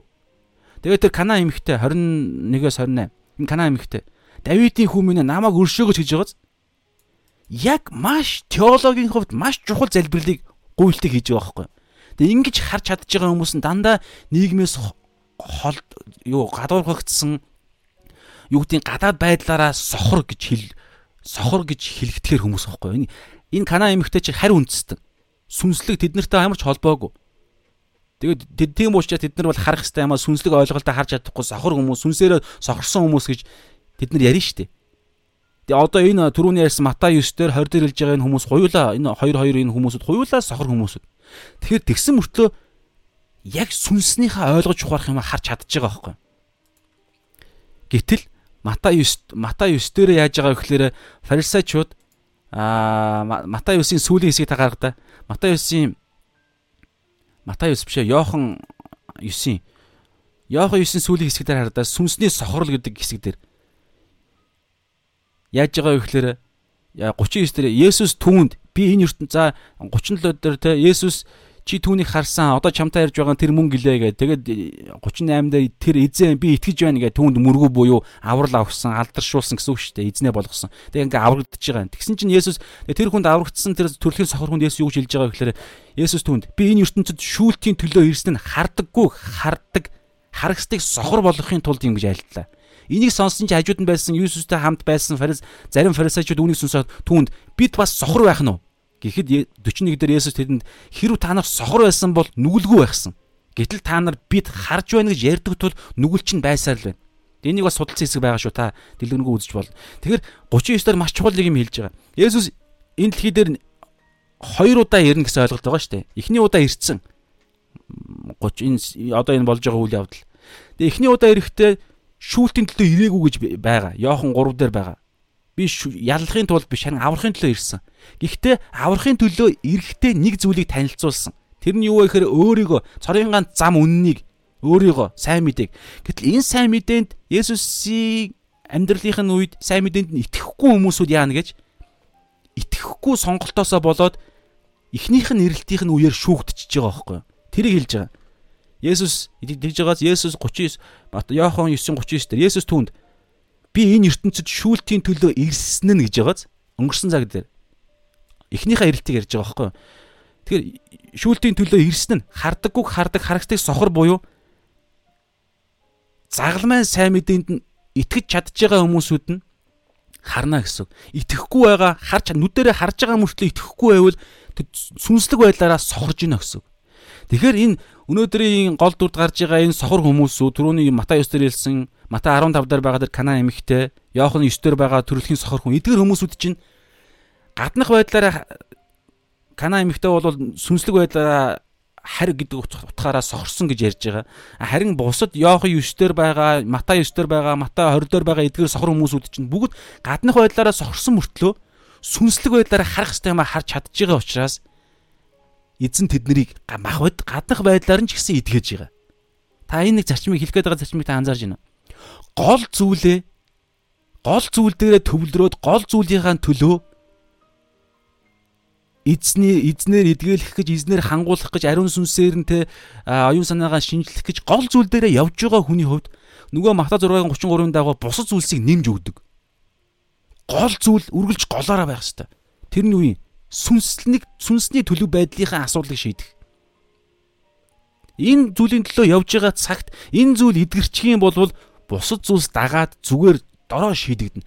Харин энэ гол зүйлийг гол зүйл гэж харахгүй гаднах байдлаа одоо тэр фарисеучуд хуулийн багш нар шиг те эрх мэдлээ байр сууриа гол зүйлээ гэж бодсон учраас Есүсийг гол биш болгоод алж байгаа шүү дээ. Тэгэхээр одоо энэ одоо буцаад цөмөр үндсэн хэсэг рүү очие. Тэгэхээр энэ Мата 20 дээр байгаа, Мата 9 дээр байгаа, Иохан 9 дээр байгаа хүмүүсүүд яаж байгаа вэ гэхээр за Иохан 9 жоох ялгаатай. Энэ Мата 9 Мата 20 Мата 15 дээр байгаа эдгээр хүмүүсүүд дандаа гол зүйлээ хэлж харсан. Тэр нь юу гэхээр Есүсийг яг хэн гэдгийг яг голоор нь харсан гэсэн үг. Түрүүн хэлсэн шүү дээ. Нэг юм үг хэлсэн. Давидын хүү минь ээ өршөөгөөч гэдгийг нь хэллэг. Энэ бол Библи Библи судлалын, теологийн, бидний итгэлийн амьдралын цаашдаа шинэ гэрээ судлаад явхад энэ ойлголт маш чухал. Нөгөө Ром Ром 10-ын энэ Ром 19-с 10 дээр байгаа биднийг авалт хүргэдэг үндсэн хоёр ойлголт чинь энэ хоёр ойлголт байхгүй юу? Давидын хүү минь ээ биднийг өршөөгөөч. За энэ эзэн минь ээ гэдэг энэ гурлаа орж болно гэсэн. Ямар хоёр ойлголт вэ? Давидын хүү гэдэг энэ үг чинь шууд автоматар хуучин гэрээнийхээ иш үзүүлгийн дагуу Месиа гэдэг хэллэг байхгүй юу? Месиа гэдгийн илэрхийлэл. Давидын хүү, хүний хүү. Давидаас Самуэль дээр хэлж байгаа Давидаас мөнхийн хаанчлал гарч ирнэ. Аврагч аврагч гарч ирнэ гэдэг юм ярьж байгаа. Тэгэхээр тийм учраас Израильчууд бүгд мэдж байгаа. Давидын хүү гэдэг энэ хэллэг бол шууд Месиа гэдэг хэллэг. Тэгвэл Месиа гэдэг хэллэг чинь бидний хувьд теологийн хувьд Библийн ерөнхий энэ Библи судлалын хувьд ямар хэллэг юм? Давидын хүү, хүний хүү чинь хүн төрлөختнийг аврахаар ирсэн. Гим нүглийн гим нүглийн асуудлыг шийдэхээр ирсэн. Месиа. Тэгэхээр Месиа буюу тослогдсон, томилогдсон нэг юуны төлөө томилогдсон юм? Загалмай үхлийн төлөө. Филиппо 2-ыг та 2-ын 6-аас 11-ийг хараарай байгаа. Загалмай үхлийн төлөө бурхан бурхан дүр төрхөө орхиод боолын дүр буюу хүний дүрийг авч ирсэн. Хүний буюу Давидын хүү, хүний хүү Месиа гэдэг. Үүний төлөө томилогдож ирсэн буюу тослогдсон нэг нь томилогдсон нэг гэдэг Месиа гэдэг хэлдэг байхгүй. Тэгэхээр загалмайн төлөө ирсэн. Тэгэхээр Месиа Давид Христ гэдэг чинь грекээр Месиа гэсэн үг шүү дээ аа тий тослогдсон нэг месиа бол еврейгээр тослогдсон нэг гэсэн үг. Тэгэхээр Давидын хүү Христ Давидын хүү хүний хүү гэдэг энэ хиллэгүүд чинь цаагаараа юу хэлж байгаа гэхээр загалмай дээр орчлын ертөнцийн гим нүгэл хүн төрлөختний гим нүглийн асуудлыг шийдээд зөвтгөх нэгэн аврах нэгэн гэсэн үг. Тэгэхээр Ром 19:10 дээр хэлж байгаа хүн зүрхэндээ Есүс Христийг үхгсдээс амилсан гэдэгт нь итгэвэл зөвтгөгдөн гэж байгаа зүрхэндээ Есүс Христийг амилсан гэдэгт итгэвэл энэ амлалт гэдэг үгний цаана шууд автоматар амлалт яригдахаас өмнө үхэл нь яригдах ёстой шүү дээ. Тэгэхээр загалмай үхэл амлалт гэдэг шууд загалмай цогц сайн мэдээ ярьдаг гэсэн. Тэгэхээр загалмай төгс сайн мэдээнд итгэвэл хүн зүрхэндээ итгэн зөвхт байдалд хүрч зөвтгөгддөг. Амилсан гэдэгт нь буюу загалмай сайн мэдээнд нь итгэвэл зөвтгөгдөн буюу Есүсийг Месиа гэдэгт нь итгэвэл зөвтгөгдөн. Тэгвэл энэ итгэнэ гэдэг нь ямар үйл явдал юм? Гимшил ярьдаг байхгүй гимшил. Нэг дахлын тогтолцоо чинь. Би гимших гимших буюу буруугаа ол хараад буруугаа олж хараад зүг рүүгээ эргэх буруугаа буюу би бол гимти юм байна би үхэх ёстой юм байна. Зүг рүүгээ эрэх юу юм? Тийм ээ би гэд Есүсийн загалмаа үхэл рүү эргэнэ Луг 9-ийн 23 дээр хэлж байгаа.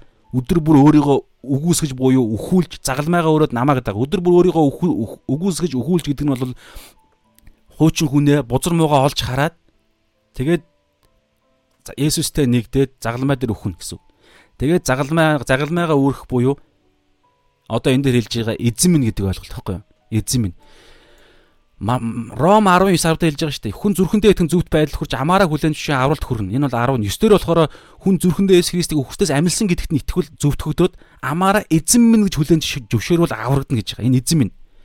Тэгэхээр Ром 1 1 дээр бас байгаа. Ром 1-ийн 4 дээр Есүс ариун сүнсний хүчээр үхгсдээс амилснараа Бурхны хүү гэж тодорхойлогдсон. Тэгэхээр Бурхны хүү гэдэг нь гэдэг нь амьлах үед тэр дүү дөрөх нь гарч ирсэн гэсэн үг байхгүй юу? Тэр дүү дүү дөрөх нь Филиппо дөрөвдөр хэлж байгаа тэр алдаршсан гэсэн үг. Тэгэхээр Есүсийг амьдралынхаа эзнэ гэдэг энэ үгний чинь цаана юу байгаа гэхээр Есүс бол Бурхан учраас миний амьдралын эзэн байж чадна гэдэг хэллэг байхгүй юу? 30 он 1-р зуунд амьдарч исэн 2000 жилийн өмнө байсан тэрний үйл явдал яагаад 2000 жилийн дараа надтай хамааралтай болчихж байгаа юм гэхээр цаг хугацаагаас үл хамаардаг. Цаг хугацааг бүтээсэн бүтээгчийн цаг хугацаа мөнхийн оршихуйд эцгийн баруун гартаа заларж байгаа. Тэгээ ариун сүнсээ илгээсэн. Тэгээ Йох 14 23 дээр хэлж байгаа. Тэр ариун сүнсээрээ дамжуулан гурвал бид нартай хамт амьдарч байгаа. Бид тэр хүнтэй хамт амьдрна гэж хэлж байгаа. Йох 14 23 дээр. Тэгэхээр ариун сүнсээр дамжуулан цаг хугацааны гадна байдаг бурхан надад миний дотор ороод ирсэн учраас бурхан миний эзэн байж чадна гэсэн үг. Бодтой миний мөнгө биш. Бодтой намайг миний эсрэг тэмцдэг. Нэгдүгээр Петр 2 дээр хэлж байгаа миний эсрэг тэмцдэг махбод миний эзэн биш. Бодтой намайг энэ хажууд нийгмийн элдв янзын тогтолцоогоор биднийг захирах гээд байгаа. За зарим улс үндэстэн дээр бодтой бүр захирж байгаа шүү дээ. Хойд солонгос хятад гэдэг юм өөр ямар үндэстэн байдیں۔ Тэгэхээр бодиттой энэ дэлхийн ертөнц захирж байгаа тэр чинь ч гэсэн намайг захирахгүй илүү бодиттой нэгэн намайг захирна. Тэр нь юу юм? Яг одоо амьд байгаа. Есүс яагаад тэгэхээр амилсан учраас амилсан учраас бурхан гэж Ром 1 дээр хэлж байгаа бурхан гэж тодорхойлогдсон, батлагдсан. Тэр нэгэн дээр байгаа миний дотор хамт амьдарч байгаа. Тэгэхээр илүү бодиттой, илүү надад ойрхон байгаа нь Есүс аахгүй юу? Тийм учраас миний эзэн байж чадна. Тэгээ иймэрхүү ойлголт ирж байгаа. Тэгээд өршөөгөөч буюу хамгийн голын зүйл чинь гимшил. Гимшлэр л та бодолтой Есүс сургаалаа эхлэхдээ хамгийн анхны үйлчлээ эхлэхдээ хамгийн анхны сургаал номлон эхлэхдээ Матай 3 дээр байгаа те 4 дээр ч байгаа 4 дээр байгаа шүү. Хэлэхдээ гимшигтүн Тэнгэрийн хаанчлал ойрхон байна ирж гинэ гэдэг хэллэг байгаа шүү дээ. Гимшигтүн. Гимшлэр л аврал хаанчлалд ордог. Сүнсэндээ ядуу байж гэсэн үг шүү дээ. Мата 5:3 дээр. Тэгээ би өчтөрх нөгөө нэг Мартин Лютерийн 95 тезис тезисийг яг ингээд нэг харж үзлээ. Орчуулвал яадын болдоо молдоо гэл тэгэл яг хэр шаардлага байна барах юм болов молоо гэж бодож байгаа харж үзлээ гэсэн. Хамгийн ихнийх нь юу нь юу байгаа гэж хамгийн ихнийх нь тезис нь тунхаглал нь ямар тунхаглал байгаа гэхээр бидний эзний би гаргацдаг байж сая саналаа бидний эзэн одоо бидний эзэн бурхны маань бурхан маань Мата 4-ийн хэд дээр байлаа 12 дээр ч байлаа тэрэн дээр хилдэг гимшигтүн гэж хэлсэн энэ тунхаглал нь тухайн итгэгч хүнийг бүхий л амьдралынхын турш байнгын гимших энэ зүйл энэ төлөв энэ зүйлд урайлсан үг байсан.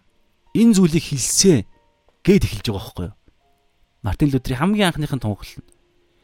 Юу юу гэсэн үг гэхээр Есүс гимшигтүн. Ер нь Есүс биш одоо юу гэдгийг Тэнгэрийн аанчлалтай Библийн хэлж байгаа гимших гэдэг энэ зүйл нь нөгөө грек хэл дээр нөгөө одоо үргэлжлэх үргэлжлэхт хэвд бичигдсэн байдаг гэж ярьдаг штэ. Гимшсээр байх гэдэг. Тэгэхээр Есүс Мартин Лютер чи өөрөө латин вулгатэ буюу латин хэлнээс герман хэл рүү аман тэ хар ярианы герман хэл рүү орчуулсан байгаа байхгүй. Латин хэлнээс латин чи өөрөө грекээс орчуулсан. 200-аас 200 300 оны үед. Тэгэхээр грек их хэл дээрээ яг мата өөрөө ингэж бичээж татвар ураагч мата бичиж байгаа энэ хэл дээрээ гимшсээр байх гэдэг энэ цагт хил зүүн цагт бичсэн үг байгаа байхгүй юу? Тийм учраас ингээд ингээд Мартин Лютер чинь тэр бүгдийг олон юмыг судлаа те тэгээ яах үед харин католик болохоор өөр юм ярьдаг бүр мөнгө өгж гимшдэг. Тэр утга өгсөн хүнийг тэр тэгээ нөх хүлээлгийн газар төртөл эндээс энэ дэлхийгээс мөнгө өгөх юм бол тэр хүнийг аварч болно молно тэгээ эсвэл нэг удаа ингээ мөнгө өгөөд бичиг баримт авцсан байх юм бол найдвартай гээл тэрийг нь авахын тулд мөнгө өгнө мөнгө ингээд элдв янзын балан болгож байгаа. Нөгөө библиэлд нэмж байгаа байхгүй нэмж байгаа. Бас хасах буюу энэ байнга насан туршдаа гимжсээр байх гэдэг нь ойлголтыг хасж байгаа. Тийм учраас амийн илчилт номын дагуу амийн номноос хасагдана. Католикийн тэр ойлголт. Ойлголтын дагуу явж байгаа хүмүүс бол харин нэмж байгаа бол илчилт номон дээр байгаа тэр зовлон хүртэл нэмнэ гэж байгаа байхгүй юу? Илчилт номон дээр байгаа. Тийм учраас энэ бүгдийг хараад тэгэхээр гимш өршөөгөөч гэдэг энэ гимшил чинь өөрөө авралын маш хамгийн сур ойлголт. Тэгэхээр бид байн гимшил дотор явдаг сүнсэндээ ядуугуудыг олж ухаарад гимшээ тэгээ тэгжээж ариун сүнс биднэрт бэлхэм дүүрнийг бэлг болгож өгдөг. Гэхдээ эн чинь байнгын цаг. Байнга нэг удаа ингэчээл тэгэл би одоо ёстой аюулгүй биш. Нэгдүгээр Петр 5:8 дээр хэлж байгаачлан эрүүл ухаантай, сонор сэрэмжтэй байхгүй бол та нарын өрсөлдөж болохт яавал биднийг залхихаар гитэн явж байгаа энэ дэлхий дээр амьдарж байгаа учраас энэ дэлхийн бурхныхын дэлхий дээр энэ дэлхийн бурхан болсон чөтгөрийн хаанчл дотор Есүсийн хаанчл байгаа байхгүй юу? Тийм учраас байнгын гимшсээр байх, байнгын Есүст итгэсээр байх, байнгын Есүсийн дотор явсаар байх, байн гол зүйлээ харсаар байх гэдэг юм ярьдаг. За ингээд цааш явъя. Тийм учраас аа сүнсний сохрол гэдэг дээр ярьж байгаа. Тэгэд харин энэ сохор хүн бол гол зүйлээ харсан учраас сүнс нь харж чадсан. Тийм учраас гол зүйлээ хараад гимшээд эзнээ болгоод гол зүйл рүүгээ Есүс рүүгээ ирсэн учраас тэр хүн мах гадагшлаад үр жимсэн буюу эдгэрэл махуд нь Есүс эдгэж өгч байгаа. Тэгэхээр өнөөдөр ч гэсэн ялгаа байхгүй. Есүс байхгүй. Байсан бол би ч гэсэн яг одоо өвчнийхөө ингээ эдгээгээд ингээ ингээ тэгмээр байна. Амьдралынхаа асуудлыг шийдмээр байна. Есүс байгаа шүү дээ. Одоо бүр илүү гоёор байгаа. Та Иохан 14 15 дээр 16 дээр байгаа тэр ариун сүнсний талаар ярьж байгаа тэр гайхалтай олон ишл байгаа. Итгэж идэх цагаараа судлаа явж байгаа. Тэн дээр анзаарах юм бол би явах нь та нарт ашигтай гэж байгаа байхгүй юу? Ашигтай гэж хэлсэн. Тэгээ тэр үнний сүнс олон зүйлийг та нарт мэдүүлнэ. Туслана гэж байгаа. Ашигтай. Илүү агуу ажлууд их хийнэ гэж байгаа. Тэр үнний сүнс ирснээр. Тэгэхээр Тэгээд тэр үнний сүнс чи өөрөө Есүсээс тусдаа нэг юм биш байхгүй юу? Йохан 14 23 дээр бид гэж байгаа олон ноон дээр бид тэр түүнтэй очиж хамт амьдрнаа гэж байгаа. Ариун сүнсээрээ дамжуулан Есүс биднэртэй хамт амьдарч байгаа. Тэр гурвалч нь өөрөө маш цогц тусдаа ойлголт биш байхгүй юу? Тийм учраас цор ганц бурхан гэж Библи хэлдэг. Өөр бид нэр тийм учраас өнөөдөр ч гэсэн бид гол зүйлээ хараад явж ивэл яг адилхан л гэсэн үг. Тэг бүр илүү яагаад илүү вэ гэхээр quality буюу чанараараа илүү биш quantity буюу хязгааргүй хэмжээгээрээ тоо хэмжээгээр илүү. Яг одоо энэ Матай 9 дээр байгаа 20 дээр байгаа тэгээ Иохан 9 дээр байгаа Матай 15 дээр байгаа эдгээр хүмүүсүүд чинь Есүстэй яг бодиттой уулзсан хүмүүс шүү дээ. Есүстэй уулзаагүй бол хар мянган тэр утгаараа ургацсан нариун гэдэг. Асар олон хүмүүс зовж байгаа шүү дээ. Тэгэхээр Есүс дээр очиж ижил эдгэрэл авах гээд байгааз. Тийм үед амьдарч исэн учраас Есүс би явсан та нар дээр гэдсэн бохоггүй. Харин ариун сүнс ирэхээр нөгөө omnipresence мөн чанараараа нэг цагт нэг зэрэг хаасаагүй оршдог мөн чанараараа зөвхөн 2000 жилийн өмнө болсон тэр ганцхан үйл явдал итгэх үед хаасаагүй Есүс өөрөө орших боломжтой болчихж байгаа байхгүй. Тэгээ Есүс өөрөө хаасаг оршихороо яг л энэ үдгээр энэ бидний судалж байгаа энэ үйл явдлууд чинь үржигдэх бас болох боломжтой гэсэн. Гол зүйлээ хараад явж байгаа цагт бусад зүйлс нэмж өгдөнө гэсэн. Эдгэрэл одоо юу байдгийг. Тэгээ гол зүйл нь хараа явж байгаа. Тэр гол зүйл юу вэ гэдэг дээр бүр хамаг юм тавих хэрэгтэй. Бүр би эдгэрэхгүй байсан ч яах вэ гэсэн минь. Миний хувьд эдгэрлээс илүү би энийг хүсэж байна гэдэг тийм төлөв байдал ярьж байгаа байхгүй. Тэрнээс би зүгээр гол зүйлээ хараад явъя гэж байгаа юм чи гол зүйлийг хийгээл явж ийл та. Тэгэхээр чимэг байж байгаа чи чимэг байгаарай. Харин миний хувьд гол зүйл буюу би баян болмоор нь мөнгөтэй болмоор нь эрүүл болмоор байна. Тэгэхээр би эрүүл болно гэдэг миний хувьд гол зүйл. Гэхдээ та яг гол зүйл гэж юм л та. Тэгэхээр би таны гол зүйлийг чинь би хийгээд хэдэн жил явъя. Цуглаанд чинь үйлчлэе. Одоо юу гэдэг юм? Библи нэг хэд өдөр судлаа. Тэгээ харъя. Ийм ярихгүй. Ариун сүнс чи omniscience буюу бүгдийг мэддэг мөн чанартай. Бурхан өөрөө. Тийм учраас энэ хандлага чинь шууд мэднэ гэсэн. Тэгээд Тийм учраас ийм ийм хандлага гол зүйл Есүсийг тийм учраас те Матай 7:21-23 дээр эзэн минь эзэн минь гэдэг бол Тэнгэрийн хаанч дарахгүй. Эцгийн минь хүсэл буюу Есүсийн дотор мөнх амьтай байх гэдэг энэ зүйл чинь юу вэ гэдэг дээрээс та хамаг гол зүйлээ те төвлөрж байгаа тэр нэг л Тэнгэрийн хаанчл орно. Тэгээ тэрнийхээ дагуу үйлддэг. Тэгэхээр энийг ярьж байгаа шүү. За тэгээ 31 рүү орё бүгдээрээ. А тэрнээс наан наа тий 31 рүү очие тий хашгиралдаг гэдэг энэ үг бас чухал дараа нь гарна тэгэхээр нэрээ. За 31 дээр а ард олон тэднийг дуугүй байх хэмээн зандарсан боловч тэд улам чангаар Давидын хүү эзэн минь ээ биднийг өршөөгөөч бүр дахиад автчих байгаа. Тэгэхээр энэ дэр ард олон одоо энэ дэр бас чухал бас зүйл байгаа. 31 дээр а Канаан эмхтэй түүх би ярьсан шүү дээ. Мата 15-аас 15 21-с 28 дээр энэ дээр бол маш гоё дэлгэрэнгүй байгаа. Та энэ одоо энэ бор хоолны төлөөх гэдэг энэ цагийн Мата 15-ын 21-оос 28-ыг бас дараа нь санаж байгаа ингээд тэмдэглээд ч юм уу линкийг нь шеэрлээд хадгалчвал энэ дээр бол маш чухал хэсэг байгаа шүү. Юу гэхээр тэр Канаан эмэгтэй дөрвөн саадыг давж Есүсээс нэг зүйлийг хүссэн. Тэр нь юу гэхээр охиныхоо охиныг нь чөтгөр шүглсэн байсан охиныгоо чөтгөрөөс нь чөлөөлж өгөөч гэдэг залбирал. Дөрвөн саад. Тэр дөрвөн саад нь би тэгвэл товчон дууртай. Нэгдүгээр хариу үндэстэн хүн хүнтэй юдэчүүд ярьдаггүй харилцдагчгүй тэр тэр утгаа хариу үндэстний ч бурхан биш гэж ярьж байгаа шүү дээ. Хуучин гэрээнд тийм байсан. Шин гэрээнд үйлс 1-8-аас хоош эн чинь ингэж цаашаага задарж байгаа. Өөрийнх нь Иохан 1 11 12 дээр өөрийнх нь өөрийнх нь хүлээ аваагүй учраас өөрийг нь хүлээ авахч авсан болгон тэгээд хариу үндэстнүүдэд нээлттэй болцсон байхгүй юу. Өөрсдийг нь хүлээн авсан болгонд өөрсдийнх нь нэр нэтгэжэд Бурхны хүүхэд болох эрхийг өгөө буюу Бурхны үндэстэн болох боломжийг өгж байгаа. Гэхдээ эн чинь юу гэдгийг бүр анханасаа ингэ төлөвлөгдсөн байсан шүү дээ. Бүр анханасаа.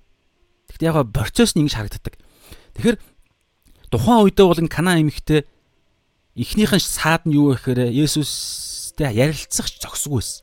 Харин үндэстэн. Ноход гэж дууддаг байсан.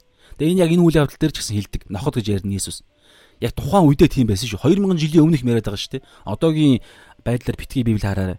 Тухайн үед яг тийм газар цаг үед байсан. Бүр амар бүр бүр Чингисээс бүр манай эзэн хаан Чингисээс бүр 1200 жилийн өмнөх яриад шүү дээ. Хүннүүгийн үе юм ярьж байгаа. Яг хүннүүг үе тий хүннүүг үе. Яг хүннүүгөөс хойшлтоо мэдээж Тэгээ бүр дээр үе бүр балангын бал юу гэдэг лээ бүр аль давнгарын юм ярьж байгаа шүү. Тэгэхээр тэр үед иймэрхүүлж юм байсан гэсэн үг. Харин үндэстнүүдийг юдэчүүд нохотож дууддаг байсан. Юдэчүүд харин үндэстээ өөрөө юдэчүүдийг бүр ингэж юдэчүүд рүү ингэж бүр ингэж те яг бурхны хайдаг хүмүүс нь ингэж би танаа үндэстэн болж аврал авмаар байна гэж ордог гууж очдөг байсан. Тэгэхдээ ингэж хөвч хүндүүлдэг баптизм хүртдэг байсан. Харин үндэстнүүдэд зориулсан үйл явдал байсан бохгүй баптизм чинь. Яг мэдээж яг дахилж махич нар байгаа.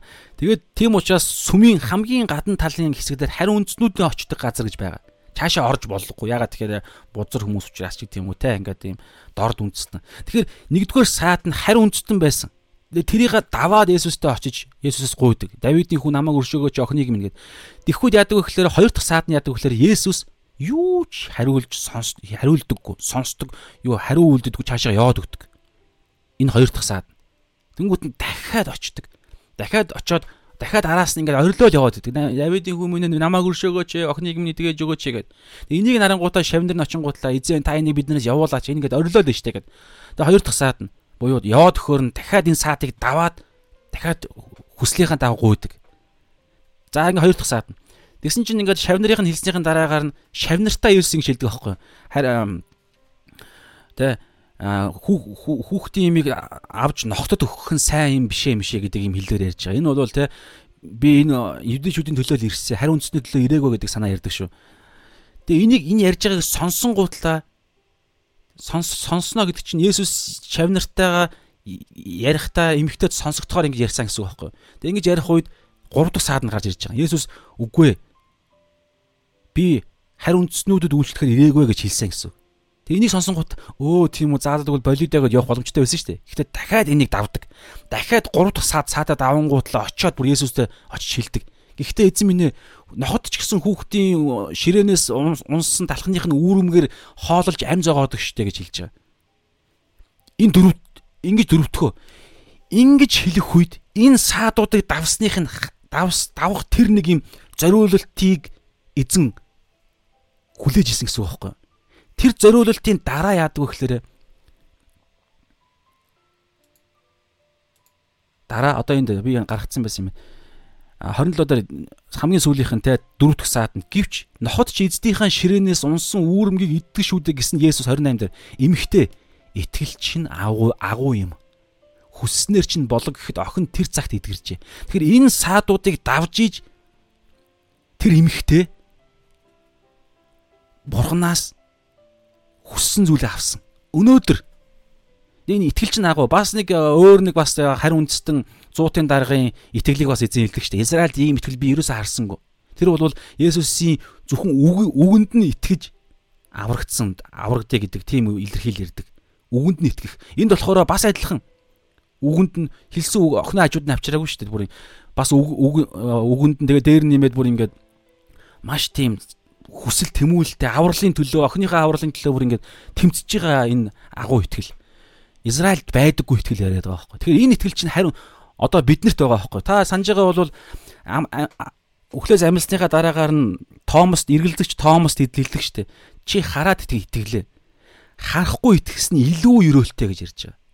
Бид нар Есүсийг би юусаа хараагүй. Та юусаа хараагүй би амьдрал дээр одоо юу гэдэг нь бодиттой бүр юр бусын гайхамшиг библийн цаг үед болж исэн гайхамшиг би нэг ч хараагүй.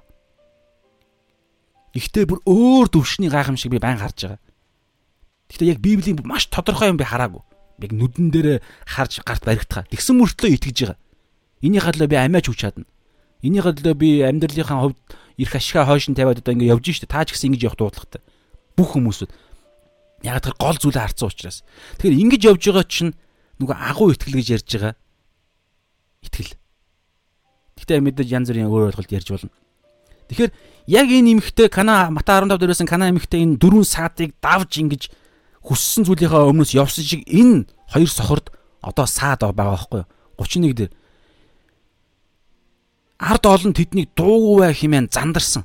Яагаад вэ гэхээр нэгдүгээр раби хүнтэй раби хүн штэ багш хүнтэй ингээд замд явж ихт ингээд те ингээд ярилцах ярилцдаг уу яг ингээд ийм нэг юм муухай нэг юм уламжил ахмадын уламжил те нэг юм хүндэлж мөндөлж ингээд ёстой багшийг ингээд те зүгээр годомжинд ингээд яах ёсгүй мосгүй гэдэг нэг иймэрхүү юм ярьж байгаа нэгдүгээр хоёрдугаарт тэд нар өөрсдөө нөгөө нэг түрүүний хэлсэнчлэн хараагдсан хүмүүс гэж хараагцсан бурхнаар гологдсон хараагцсан хүмүүс гэж тэднийг үзэж байгаа байхгүй. Тэр утгаараа тэд нарыг зандарж байгаа. Юу бузар муу гимтэй хүмүүсүүд яагаад а Есүсийг эзнийг мань яагаад. Гэтэ энэ дагалдаж нар ихээс илүүгээр ард олон гэж байгаа шүү. Энэ ард олон донд янз бүрийн хүмүүс дагаж явж байгаа. Тэгэхээр зүгээр ингээд янз бүрийн хүмүүсүүд дэлхий дэлхийн ингээд энэ нөгөө нэг паблик те олон нийт зүгээр ингээд хуйлраал ингээд нэг нь ингээд аа энэ хүн тэгсэн маань ингээд өө тийм үү ямар муухай юм бэ гэж орилдог шиг.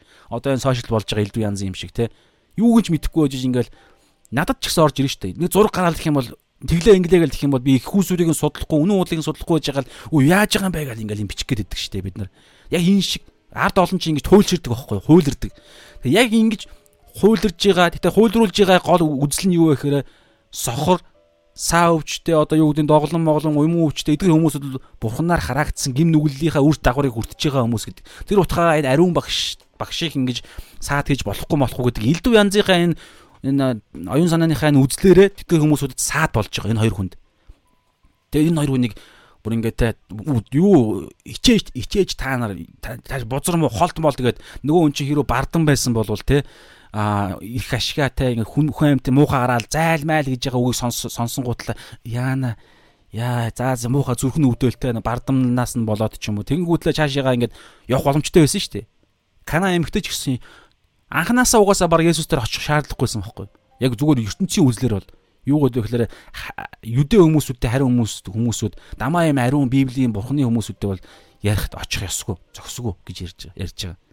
Наана бапт юу хөвч хөндүүлж баптизм болж хүртэж ич гэдэг юм уу янз бүрийн юм ярина. Тэгэхээр тэгээд тэр саад байсан. Гэтэл яаж байгаа гэхээр та 31 унших юм бол ард олон тэднийг дуугүй хэмээн зандарж байгаа байхгүй. Тэгсэн чинь тэд яасан гэж улам чангаар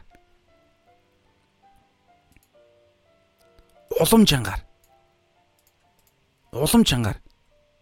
Энэ юу болоод байна гэдэг энэ ас энэ өнөөдөр биднэрт байна уу гэдэг юм багхгүй өнөөдөр юу гэдэг би яг ингээд гол түрүүний ярьж байгаа гол зүйлийнхаа сүнснийхаа гол зүйлийнхаа төлөө ингээд явж явах үед саадууд гарч ирнэ шүү дээ махуудын хүслүүд элдв янзын юмсууд эсвэл ингээд дамаа одоо юу гэдэг юм за энийг яриад яах вэ? Ер нь бол юу гэдэг Монгол чуулгад ч гэсэн анх анхныхаа үе дээр явж байгаа дээ яг хоёр дахь үе гэж хэлж байгаа. Гэхдээ зарим талаараа анхны үе байхгүй анхны үе нь бол те мишонеруудаар дамжуулан биднэр рүү ирсэн пасторууд маань, пастор ахлагч нар маань. Гэхдээ тэд нар маань өөрсдөө аа Монгол дагалдуулагч нараар дагалдуулаагүй шүү дээ.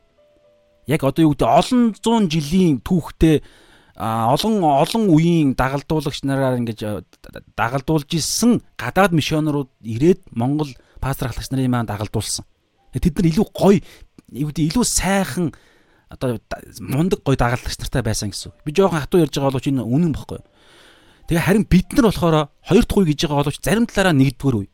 Яа юу вэ гэхээр бид нар өөрсдөө анхны дагалдагч нар бохгүй. Жинхэнэ Монгол дагалдуулагчтай анхны дагалдагч нар гэдэг юм уу? Гэхдээ яг үнийг хэлэхэд бол намайг дагалдуулж исэн хүн гэвэл их ховрдөө. Миний үеийн дагалдагч нар дагалдагч хоёрдугаар үеийн дагалдагч гэж ярьж байгаа хүмүүсүүд яг үннийг хэлэхэд бол яг дагалдуулалтыг бол авч чадаагүй хүмүүс их байдаг би ч гэсэн. Яг ингээд борд зүрхээ борд зүрхээрээ одоо юу гэдэг яг ингээд саадуудыг даваатай ингээд үл ойлголцлууд их гардаг байсан байхгүй юу? Тэгдэг тех ёстой ингэ ёстой гэл өмнөх үе маань юм ярина. Тэнгүүд бид нар ингээд дотроос нэг юм гарч ирээд идэг. Тэгэл тэрийг хайраар биш те зүгээр ингээд ойлголцохын тулд биш бөөн уур хилэнтэй муухай гомдолтойгоор ингээл яриад бөөн хэрүүл уруул болно шүү дээ. Үл ойлголцол. Тэгээ ингэн мингэн байж ингээл ингээд итгэл дээрээ үлдсэн хүмүүсүүд байгаа шүү дээ. Тэгэхээр янз бүрийн саад гарч ирнэ. Янз бүрийн саад. Тэгэхээр тэр саадуудыг даваад гол зүйлийнхаа төлөө улам чангаар хүсэх юм байна уу?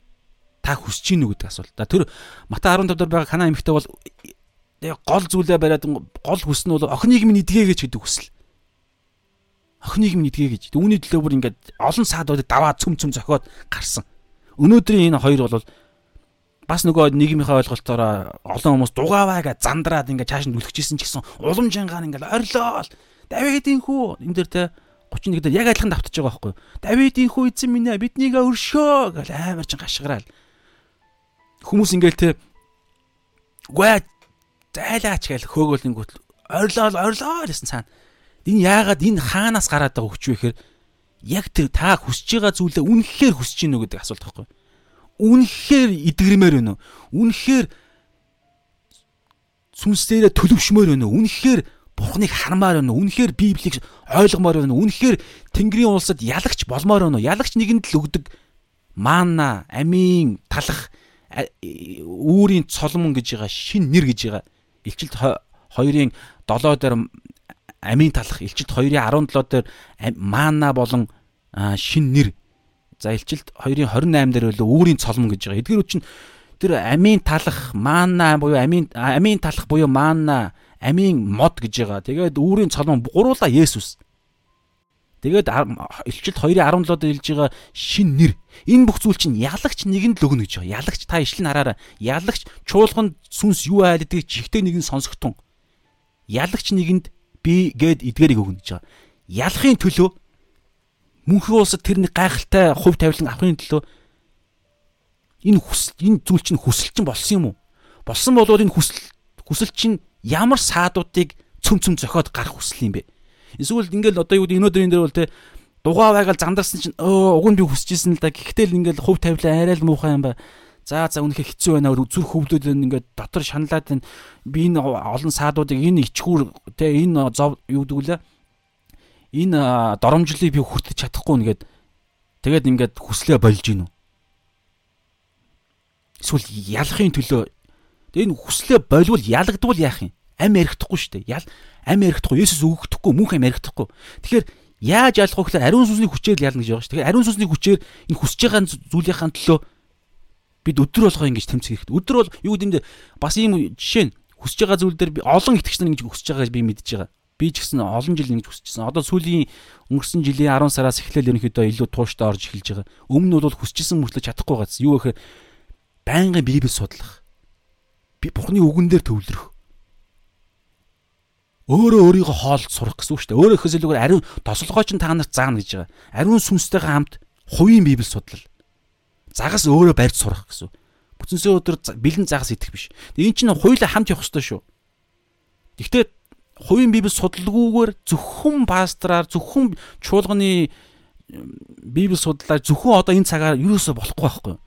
Зэрэг явах хэрэгтэй. Хувийн цаг бүр хамгийн чухал нь. Тэгээ хувийн цаг чинь өөрөө ямар нэгэн ямар заалгуул чиглүүлж иж явах хэрэгтэй байхгүй. Тэр утгаараа би бол одоо энэ цаг хийхэд бол би өөрөө судалдаг байхгүй. Энэ одоо энэ ойлголтуудыг чинь би судалж мэдсэн ойлголт ч тийм шинээр ариун сүнс дээр те пүн гээл тухайн тухайн үед те хариу үндэстнүүдийг ингэж ноход гэж хэлдэг байсан гэл би гинт надад бодол орж ирэхгүй шүү дээ. Ямар ч боломжгүй. Ийм арга замаар инлэх ертөнц Библиэлд ч гэсэн ингэдэггүй. Дандаа дагалдуулалт дагалдагч хин нэгэн хүн заадаг. Тэр утгаараа ариун агуу сахимч дээр та нар миний туш та нар тушаасан бүгдийг сахин биелүүлээд тэд нарт заа. Дагалдуулах тун гэж байгаа. Тэгээ 12 12-оос ч цаашаа ингэж юу гэдэм дэ тослогоо те шатлан захирах гэдэг юм одоо юу гэдэм тэр нэг юмар чи ингэж бүүхэ маягаар ингэж явж ирж байгаа. Ариун сүнс ингэж л цаана. Тэгэхээр яг тийм учраас те үүний төлөө тэмцэж гин үү? Библи судлахын төлөө тэмцэж гин үү? Та танд ямар хүсэл байна? Тэр хүслийнхаа төлөө та улам чанга чанга дуураа тухайн саадуудыг цөм цөм зөхиод гарах. Цөм зөхөд чинь дандаа өвдөлт шүү дээ. Дандаа өвдөнө. Саад гэдэг чи өөрөө дандаа зовлон юу гэдгийг хэцүү бэрхшээл шүү дээ. Тэгэхээр бэрхшээлийг давахын тулд илүү нэг мэдрэмж, илүү нэг хүсэл нь илүү ээж ижил тухайн саадыг цөм зөхөн шүү дээ.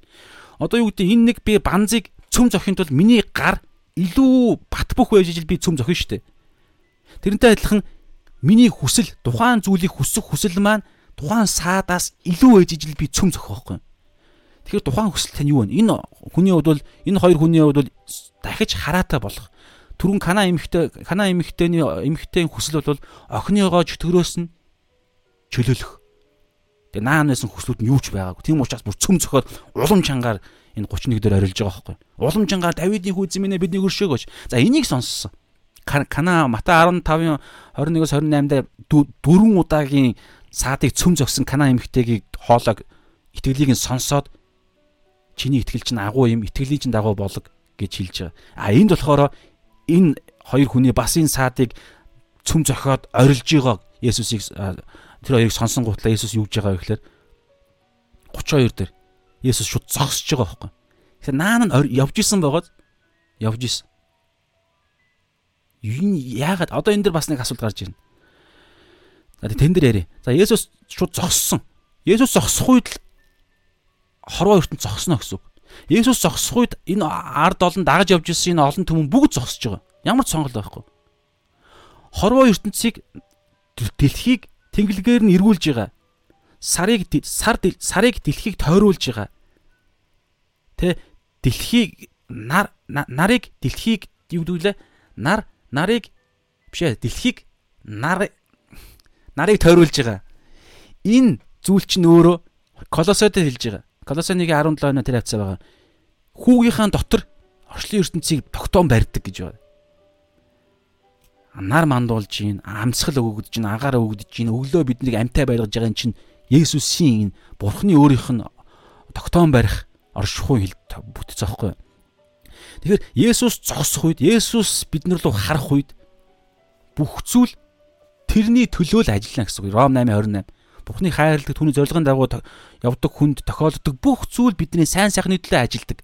Есүс шууд зогссон. Тэгэнгүүтлээ яаж байгаа гэхээр Есүс зогсож тэднийг дуудаж байгаа. Дуудсан. Дуудаж байгаа. Энэ дуудах гэдэг дээр бол олон юм ярьж байна. Гэтэ яг ганц давчхан нэг юм ярихад Йохан 10 дээр ярьж байгаа. Хонь хонин сүрэг хончныхоо дууг таниад дагдаг. Хончин нь хонио бас таньдаг. Тийм учраас дараа нь хинч миний гараас хон сүрмийг нь булаахгүй гэж. Юу ч булаахгүй. Тэгээд эцэг эцэг эцгийн гараас ч булгаахгүй, миний гараас ч булаахгүй. Эцэг бол хамгийн агуу гэж. Тэгэхээр хамгийн гол юм бидний гол юм юу вэ гэхээр би Есүсийн дууг таньж гинүү гэдэг асуулт. Таньж гинүү. Тэр юу вэ? Бодит байдал дээр Библийг уншиж гинүү хамгийн ихнийх нь байлаа. Тэгээ уншихтаа дараа нь ариун сүнсээрээ уншиж гинүү буюу хэрэгжүүлэхийн тулд Тэгээд өөрийгөө толинд олж харахын тулд, гимшхийн тулд, төрлөх царайгаа Яаков дээр хэлсэнчлэн төрлөх царайгаа олж харахын тулд уншиж гинөө. Тэгээ өөрчлөгдөхийн тулд Эфес дээр хэлсэнчлэн оюун санаагаа шинжлэхийн тулд уншиж гинөө. Эфес 2-ын тэ 10 дээр хэлж байгаачлан сайн үйлс гаргахын төлөө зөвхт байдлын төлөө уншиж гинөө. Үйлдэл үйлдэл гаргахын төлөө уншиж гинөө. Матай 5-ын 16 дээр хэлж байгаачлан бидний сайн үйлс хийж байгаа зорилго нь үйлдэл гаргаж байгаа зорилго нь эцгийг алдаршуулахын тулд гэж байгаа. Тэгэхээр бус хүү алдарч ижил эцэг алдаршна. Хүү яаж яаж алдарчих вэ гэхээр хин нэгэн хүн хүүг буюу Есүс итгэж аврагчаа болгож ижил тэр хүн Есүсийг эзэн минь гэж алдаршуулна. Тэгэхээр бусдын авралын төлөө би сайн үйлс гаргаж яана гэсэн үг байхгүй. Бусдын авралын төлөө би Библийг уншиж гинэ. Ингэхийн тулд би өөрөө аврагдсан байх ёстой шүү дээ. Аль аль нь явна гэсэн үг. Тэгэхээр энэ дууга тань тэгжиж би Библийг уншиж оюун санаагаа шинжилж Есүсийн дууг Есүсийгээ таньж мэднэ гэсэн үг. А Есүсийн дуу бол нэг юм баригл хоолойтой ч юм. Эсвэл нэг нарийнхаа хоолойтой юм. Юу гэдэг мэдэхгүй. Эсвэл нэг иймэрхүү хоолойтой. Тэгээ дуурхаараа нэг иймэрхүү байдлаар дуурдаг. Буюу Библи Есүсийн талаар ингэж хэлдэг. Тэгээ эн чинь ариун сүнсчил энийг илчлэн гэж байгаа шүү дээ. А Йох 14-ийн 16 26 15-ийн 26 дээр бас 15-ийн 10 эдэр байла 12 13 дээр байгаа. Есүс Яриун сүнс өөрөөсөө юу ч ярьдаггүй. Хүүг л гэрчилдэг, хүүгийн хэлснийг л биднэрт заадаг гэж байгаа. Өөрөөсөө шин юм ярихгүй. Тэгэхээр Библийг уншихгүй бол бид Ариун сүнсийг сонсч чадахгүй байхгүй юу? Тэг ийм ярьж байгаа. Тэнгүүтлээ Есүс тэднийг дууд дуудаад ингэж хэлсэн. Өөрсдийнхөө төлөө ингэж асуусан. Асуултыг сонсоорой. Яагаад Есүс урд нь анхных нь удаа Давидын хүү эзэн минь биднийг өршөөгөөч гэж хашгирахад Есүс сонссон мөртлөө би сонссон гэж би ойлгож байна. Над тийм бодол бууж байна. Сонссон мөртлөө яагаад яваад исэн бэ? Тэгээ хоёр дахь удаа орилоход нь яагаад зогссон бэ? Тэгээ одоо энэ дээр бас 32 дээр Есүс яагаад энэ асуултыг асуусан бэ? Omniscience буюу бүгдийг мэддэг бурхан мөртлөө. Тэгээд Иохан 5-ын 19, Иохан 5-ын 30 дээр хэлсэнчлэн өөрөөсөө биш эцэг бурханы хийж харуулсныг нь хэл гэснийг нь хэлдэг. Өөрөөсөө юу ч хийж чаддгүй буюу бурхан төгс бурхан ариун сүнс бас тагтаамт бууж ирж байгаа. Гурвал Есүсийн дотор байн хамт явж ирсэн. Тэгэхээр гурвал энэ сохор хүнийг юу хүсэж байгааг нь мэдэхгүй гэж юу? Тэр байтугай хажууд байгаа хүмүүсүүд хүртэл Есүс тэр хүний сохор гэдгийг мэдээд гадуурхаж байгаа байхгүй. Сохор биш байсан бол гадуурхахгүй шүү дээ. Чааш нь дүлхэхгүй, дугаа гэж хэлэхгүй. Сохор байсан учраас л сохор байсан учраас л а энэ гадуурхагдсан сохор хүн энэ ариун хүн рүү очих ёсгүй гэд гадуурхаж байгаа байхгүй. Тэгэхээр Есүс хүн ингэж мэдчихэхэд Есүс мэдэхгүй гэж мэдэн штэ. Тэгэхээр яагаад асууж байгаа гэдэг асуулт байхгүй юу? Бурхан бол бүгдийг мэдж байгаа. Йохан 2 2 дээр ч гэсэн хүний зүрхэнд юу байдгийг бүгдийг мэдж байгаа гэж байгаа. Тэм учраас гэрчлэл хүний талаарх гэрчлэл хэрэггүй. Энэ Есүсээ энэ хүн сохор юм сохор юм байна. Тэгэхээр магадгүй энэ угаасаа магадгүй ч байх тодорхой шүү дээ. Сохор учраас хараа оруулж өгөөч гэж хүсэж байгаа шүү дээ. Та яагаад асуугаад байгаа юм бэ гэж хин хин нэгэн хэлэхээр байсан шүү дээ. Энэ ийм гэрчлэл гэрчлэл Есүст хэрэггүй байхгүй юу? Йохан 2-ын 20 хэд дээр байгаа 29 дээр ч юм уу. Тэр хавцаа байгаа. Тэгэхээр яагаад асуусан юм бэ гэдэг дээр 32 дээр өөрсдийнхөө төлөө юу хийлэхийг надаас хүснэ вэ? Энд нэг сонирхолтой надаас юу хүсэж байна гэж асуусан.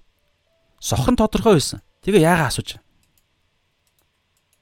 Та олон газар дээр харах юм бол та байгаа Йохан хэдээр байна да 6 байна уу 5 дээр байгаа амралтын өдөр нэг 38 жил суунгайсан үнийг эдгээдэг. Тэр үед Есүс очиод бас хэлдэг. Нөгөө нэг юм Бетесда Bethesda буюу тэ Bethesda цөөрөм рүү илгээгдсэн гэдэг цөөрөм байдаг л юу лээ? А биш ээ. Тэр чинь өөр өөр цөөрөм юм байна. Ямар ч байсан тэр мөн билүү? А тийм штэ. Bethesda юм байна. Bethesda цөөрөм. Силом би хольж утгаад байна. Ямар ч байсан нэг тийм цөөрөм рүү а очих хамгийн төрүүлж орсон хүн идэрдэг идэрх ёстой байдаг. Тэгээд асар олон тэр нэг юм өвчтөе хүмүүсүүд байсан. Тэр Иерусалимийн тэр нэг хотын нэг хэсэг дээр Бетеста байдаг санагдаж шүү. Нэг газар дээр Силаам гэж байд юм аа. А бид утгыг нь хальж утгаад байна. Ямар ч байсан гэсэн нэг тэнд бол тэр бол Бетеста гэдэг Бетцаата байлоо. Бетцаата байхаа. За ямар ч байсан тийм нэг цөөрөн байгаа. Тэгэхээр тэр цөөрөм рүү 38 жил төрүүлж орохын төлөө ингээл хичээж исэн нэг хүн байсан байхгүй юу? Төрүүлж орсон хүн л идгэрдэг гэж нөгөө хүмүүсүүдийн мухар сүсэг байсан тэр газарт. Тэр нэг хүн тэгээд тэр хүн дээр очин гутал Есүс ингэж асуудаг. Идгэр идгэрхийг хүсэж гин үү гэж. Та эрүүл болохыг хүсэж гин үү? Жилүүн тийм их асуулт тавьдаг. Тодорхой юмыг асууж асууж байгаа байхгүй Есүс. Яагаад иймэрхүү байдлаар Есүс асуугаад байгаа вэ гэхээр заримдаа хүмүүс юу хэрэгтэй байгаагаа, юу хүсэж байгаагаа өөрөө мэддэггүй. Тэгэд Заримдаа хэрэггүй зүйлсээ хүсдэг. Заримдаа хүсэж байгаа зүйлээ хүсэж байгаа зүйлээ хүртэл хүн өөрөө мэдэрдэггүй. Мэддэггүй, хүлээн зөвшөөрдөггүй ч юм уу те. Янз бүрийн байдал, бардам байдал, байдал юу вэ? Тэгэхээр Есүс ингэж асууж байгаа тэр хүн өөрөө хүлээн зөвшөөрөөд амаараа тунхаглаад тунхаглаж гинөө гэдгсэн. Ийм харилцаа. Тэнд нэг юм хамтрын хамтралаар тэр нэг юм гайхамшиг болох хэрэгтэй байхгүй юу? Авралч өөрөө тэр штэ. Урдаас Есүс бурхан ертөнц бурхан Йохан 6 дээр хидэд ишлэл байгаа 37 40 44 гээд хидэд ишлэлүүдээр байгаа Йохан 6-гийн тэн дээр бурхан хүү рүү хүнийг ингэж татхаас нааш хинч хүүд итгэх боломжгүй гэж байгаа байхгүй. Тэгэхээр урд Ром 8:29-оос 30 дээр бас байгаа. Урдаас мэдх мэдлэгээрээ урдаас тогтоодог хүмүүсүүдийг. Тэгээд дараагаар нь дууддаг. Тэгэхээр бурхан бид нарыг эхэлж сонгодог авралт хөрвүүлэхийн тулд. Гэхдээ дууддаг Ром 8:29 дээр хэлсэн шүү дээ. Дууддаг. Буюу сонгосон сонголтонд нь хариулах чөлөө эрх чөлөөт сонголтоороо сонгосон сонголтонд нь урилгыг нь гараа сунгаад авралыг нь хүлээж авах тийм сонголт хэрэгтэй. Тэр хамар харилцан хамаарал яригддаг штэ. Хамтын ажиллагаа. Аврал чинь ийм байхгүй. Зөвхөн хүнээр юус аврал яригдахгүй. Бурхан зааш хүнийг имийг гараа сунгаад өгөх ёстой. Тэрийг нь бид авахын тулд бидний оролцоо ордог. Тэрнтэй адилхан энд асуулт тавьж байгаа нь өөрсдийнхөө төлөө юу хийлэхийг надаас хүсээвэ. Чи юу юу өөрт чинь яг юу хэрэгтэй чи мэдж байгаа юм нэгдүгээр. Хоёрдугаар чи надаас яг хүсэж байгаа юм уу? Тэ яг хүсэж гин үү? Энийгээ илэрхийлж ингэж тодорхой хэлэх ёстой. Эн чинь эргээ цаашаагаад гэрчил болно шүү дээ бас. Ян зүрийн тэр хүн ингэж тодорхой оролцох үед ингээ тэр хүний амьдрал дээр а бас тодорхой тэр дурсамжинд нь цаашаагаа гэрчил болж үлднэ. Ян зүрийн ярина гэсэн. Тэгээ эн чинь бас зөвхөн ингээд а бурхны тэр хүний эрх чөлөө чөлөө сонголт байгаа байхгүй. Энэ мэдчил олон юм ярьж болно. Тэгээ асуусан. Есүс мэдхгүй дээ биш харин тэр хүн өөрөө мэдж гин үү өөрөө хүлээн зөвшөөрж гин үү. За ингэх үед 33 дээр тэд эзэн нүдийг маань нээгэж. За юун дээр бол те Монгол Монгол Библийн Лук, Марк 10-ын 51 дээр Лук дээр бас байгаа. Тэн дээр бол дахин нүдийг маань дахин нээгэж гэдэг үгээр илэрхийлсэн байлээ. Тэр ихгүй. Тэгэхээр англи дээр нь харахад бол яг яг дахин махин гэхээс илүүгээр а бид харааг минь надад өгөөч гэдэг нэг тиймэрхүү ойлголт. Хараагаа би авмаар байна ч юм уу те яг дахин гэдэг санаа байгаа л да. Хараатай болмоор байна гэхээс илүүгээр би хараагаа авмаар байна ч юм уу иймэрхүү. Тэгэхээр энэ дахин гэдэг юу эндээс би бас нэг юм гаргаж ирэх байгаа нь юу гэхээр нүдийг маань дахин нээгэж гэж Лук Марк дээр байгаа шүү тэр үг нь. Тэгээд Лук Марк дээр ч гэсэн Есүс тэднийг ихэд өрөвдөж тэ нүдэнд нь хүрэхэд тэр даруй хараа орж түүнийг даглаа. Тэгэхээр Лук Марк дээр бол Есүс үг хэлж байгаа бүр. Лук Марк дээр юу гэж хэлж байгаа гэхээр аа Лук 18:42 дээр дахин хараатай бол итгэлчин чамааг аварлаа гэдэг үг хэлж байгаа байхгүй. Тэгэхээр энэ дээр би дахин гэдэг үгээс ямар юм ойлголт хэлэх гээд байгаа вэ гэхээр өмнө нь би ингээс библ судалж байхад бас ариун сүнс сануулсан учраас би хуваалцаж аа тэ? Нүдийг маань нээгэж тэ? Дахин хараатай болмоор байна гэж энэ хүсэл нь төрөлхийн сохор хүн биш байсан жанзаагдаж байгаа байхгүй. Тэгэнгүүтлээ яагаад энийг ярих гэдэг вэ гэхээр өмнө нь ямар нэгэн зүйлийг мэдэрсэн хүн. Бодиттой ямар нэгэн зүйлийг өмнө нь мэдэрсэн зүйл тухайн хүнийг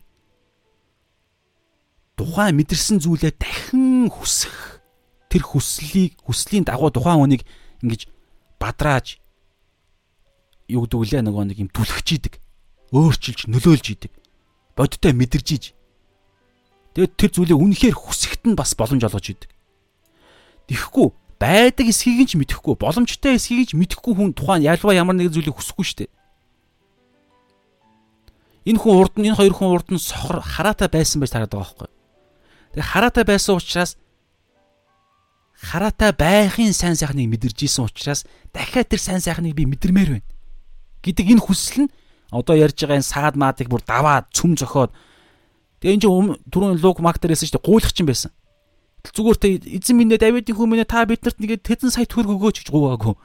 Тэр хүслээс илүү нэг гоё хүслийг тэр мэдэрсэн байсан. Тэр нь юу гэхээр хараатай байх хараад байхдаа магадгүй ажиллаж исэн баг. Ажил хийж исэн баг. Тэгэхээр ажил хийхээр юу хүнээс гуйлгах биш өөрөө хөдөлмөрлөөд олох мөнгөний амтыг магадгүй мэдэрж исэн байх ч гэдэг юм уу те. Тэгэхээр тэр нэг урд нь мэдэрж исэн зүйлс. Энэ энэ өнөөдөр бид нартай ямар хамааралтай вэ гэхээр Иврэ 11-ийн 1 дээр хэлж байгаа. Итгэл бол найддаг зүйлсийн бодит байдал харагдахгүй зүйлсийн баталгаа. Тэгэхээр Библийн дагуу дагуух итгэл нь бодиттой нэг зүйл буюу би Бурхны үгэн дээр бодиттой фактн дээр тулгуурлаад үйлдэл гаргадаг. Ингиж үйлдэл гаргах үед Ром Иврэ 11-ийн 1-ийн дагуу тухайн итгэлийн дагуу үйлдэл гаргах үед тэр итгэлийн үйлдэл нь биднэрт найддаг зүйлсийн бодит байдал буюу сабстанс бүр гарт баригдах бодиттой нэг зүйлийн амтлагааг оруулж ирдэг. Үйлдэл гаргах үед харагдахгүй зүйлсийн нотлох баримтыг биднэрт өгдөг. Тэгэхээр харагдахгүй зүйл бидний амьдралд байгаад байгаа шүү дээ мөнхийн амьдрал, ариун сүнс, Есүс, Есүсийг хараагүй мөнхийн амьдралыг ч бид мэдрээчгүй, амтлаачгүй, хараачгүй. Ариун сүнсийг бид мэдэр ариун сүнс хүнд харагдахгүй. Тэгээ одоо юу гэдэг хаанчлалын тогтолцоо чөтгөр байдаг майдаг. Харагдаг хинт ч харагдаагүй шүү дээ. Тэгээд харагдахгүй зүйлсийн бодит баталгаа нь итгэлийн дагуу явах үед тэгтээ итгэл чинь юундаа суурлагдах вэ гэхээр үгэн дээр ийм ертөнцид ийм юм байгаа. Мөнх ам гэж байдаг, ариун сүнс гэж байдаг, чөтгөр гэж байгаа. Тэ одоо үүд энэ дэлхийн ертөнцийн чинь худлах хуурмаг сохор 2 дугаар Коринт 4 4 дээр бол энэ ертөнцийн бурхан сохолж байгаа. Ийм ертөнцид байна. Харанхуй ертөнц гэж байгаа. Эфес 6-гийн 12 дээр бол энэ харанхуй ертөнцийн захирагчд ирэх мэдл хүч, тэнгэрлэг оршихуйдах аливаа ёрын муу сүнслэг хүч энэ дэлхийн ертөнцийг удирдах байгаа. Махуд буюу хүн биш. Хүнийг сохолцсон байгаа байхгүй юу? Тэгэхээр энэ зүйлсүүд Библи хэлж байгаа. Тэгээ энэ зүйлсийн дагуу амьдрах буюу яг ингэж ийм ойлголтын дунд ингэж харилцан хамаарлаар ингэж амьдрах үед яг энэ зүйл нь үнэн гэдгийг харагдахгүй зүйлсийн баталгаа, найдаг харагдахгүй зүйлсийн баталгаа, харин найдаг зүйлс нь юу юм? Үнэхээр бурхан байдаг. Бурхан намайг хайрладаг. Яг энийхэн дагуу энэ Библийн үг мөгээр нь ингэ явах үед бурхан намайг хайрладаг гэдгээ баталдаг. Одоо жишээ нь би жил гарan хугацаанд би юус ажил хийгээгүй. Яг цалинтай ажил хийгээгүй. Зөвхөн Библи шалам үйлчлэлийн төлөө би өдөр хоног хоног үл хамааран тэ байн шалаам үйлчлэлийн төлөө библи судалж ийн орчуулга хийж ийн элдв янзын төлөвлөж явж ийн. Хажуугаар нь давхар чуулган болгонда боломжоор ингээ те өв мөх хуваалцдаг ч юм уу хичээл мичээл заадаг ч юм уу ингээ боломж гарвал өсвөрийнхэн хуваагаа хуваалцаа явж байгаа. Коронавигоос одоо боломжгүй болчлоо гэхдээ мөнгө. Энэ дэлхийн ойлголтоор би Яаж тэгвэл амьд яваад байгаа? Яаж хоолоо олоод байгаа? Яаж сар болгоны интернетийн гэр интернетийн 30 мянга одоо нэмчүүл 40 мянга болно. Яаж одоо өвөл боллоо? Нүүрс яаж олж? Нүүрсний мөнгө хаанаас олоод байгаа юм? Ямар ч ажил хийхгүй цалин авахгүй гэж. Яаж хоол олоод байгаа юм? Гэхдээ яаж им тарианыхаа мөнгө аваад байгаа юм? Имнийхээ мөнгө. Гэхдээ би итгэлийнхаа дагуу явах үед найддаг зүйлсийн сабстанс буюу баталгаа надад орж ирээд байгаа байхгүй. Бурхан байдаг гэдэг. Бурхан намайг хайрладаг гэдэг нь энэ хаанчлалын тогтолцоогоор нь би залбирх үед надад орж ирээд байгаа маанагийн зарчмаар гуйс нэгэнд нь өөгддөг зарчмаар хаанчлалын төлөө явах үед Мата 6:33-ын дагуу бусад зүйлсүүд нэмж өгдөг гэдэг зарчмаар. Энэ чи харж энэ баталгаа. Ийм юм ярьж байгаа.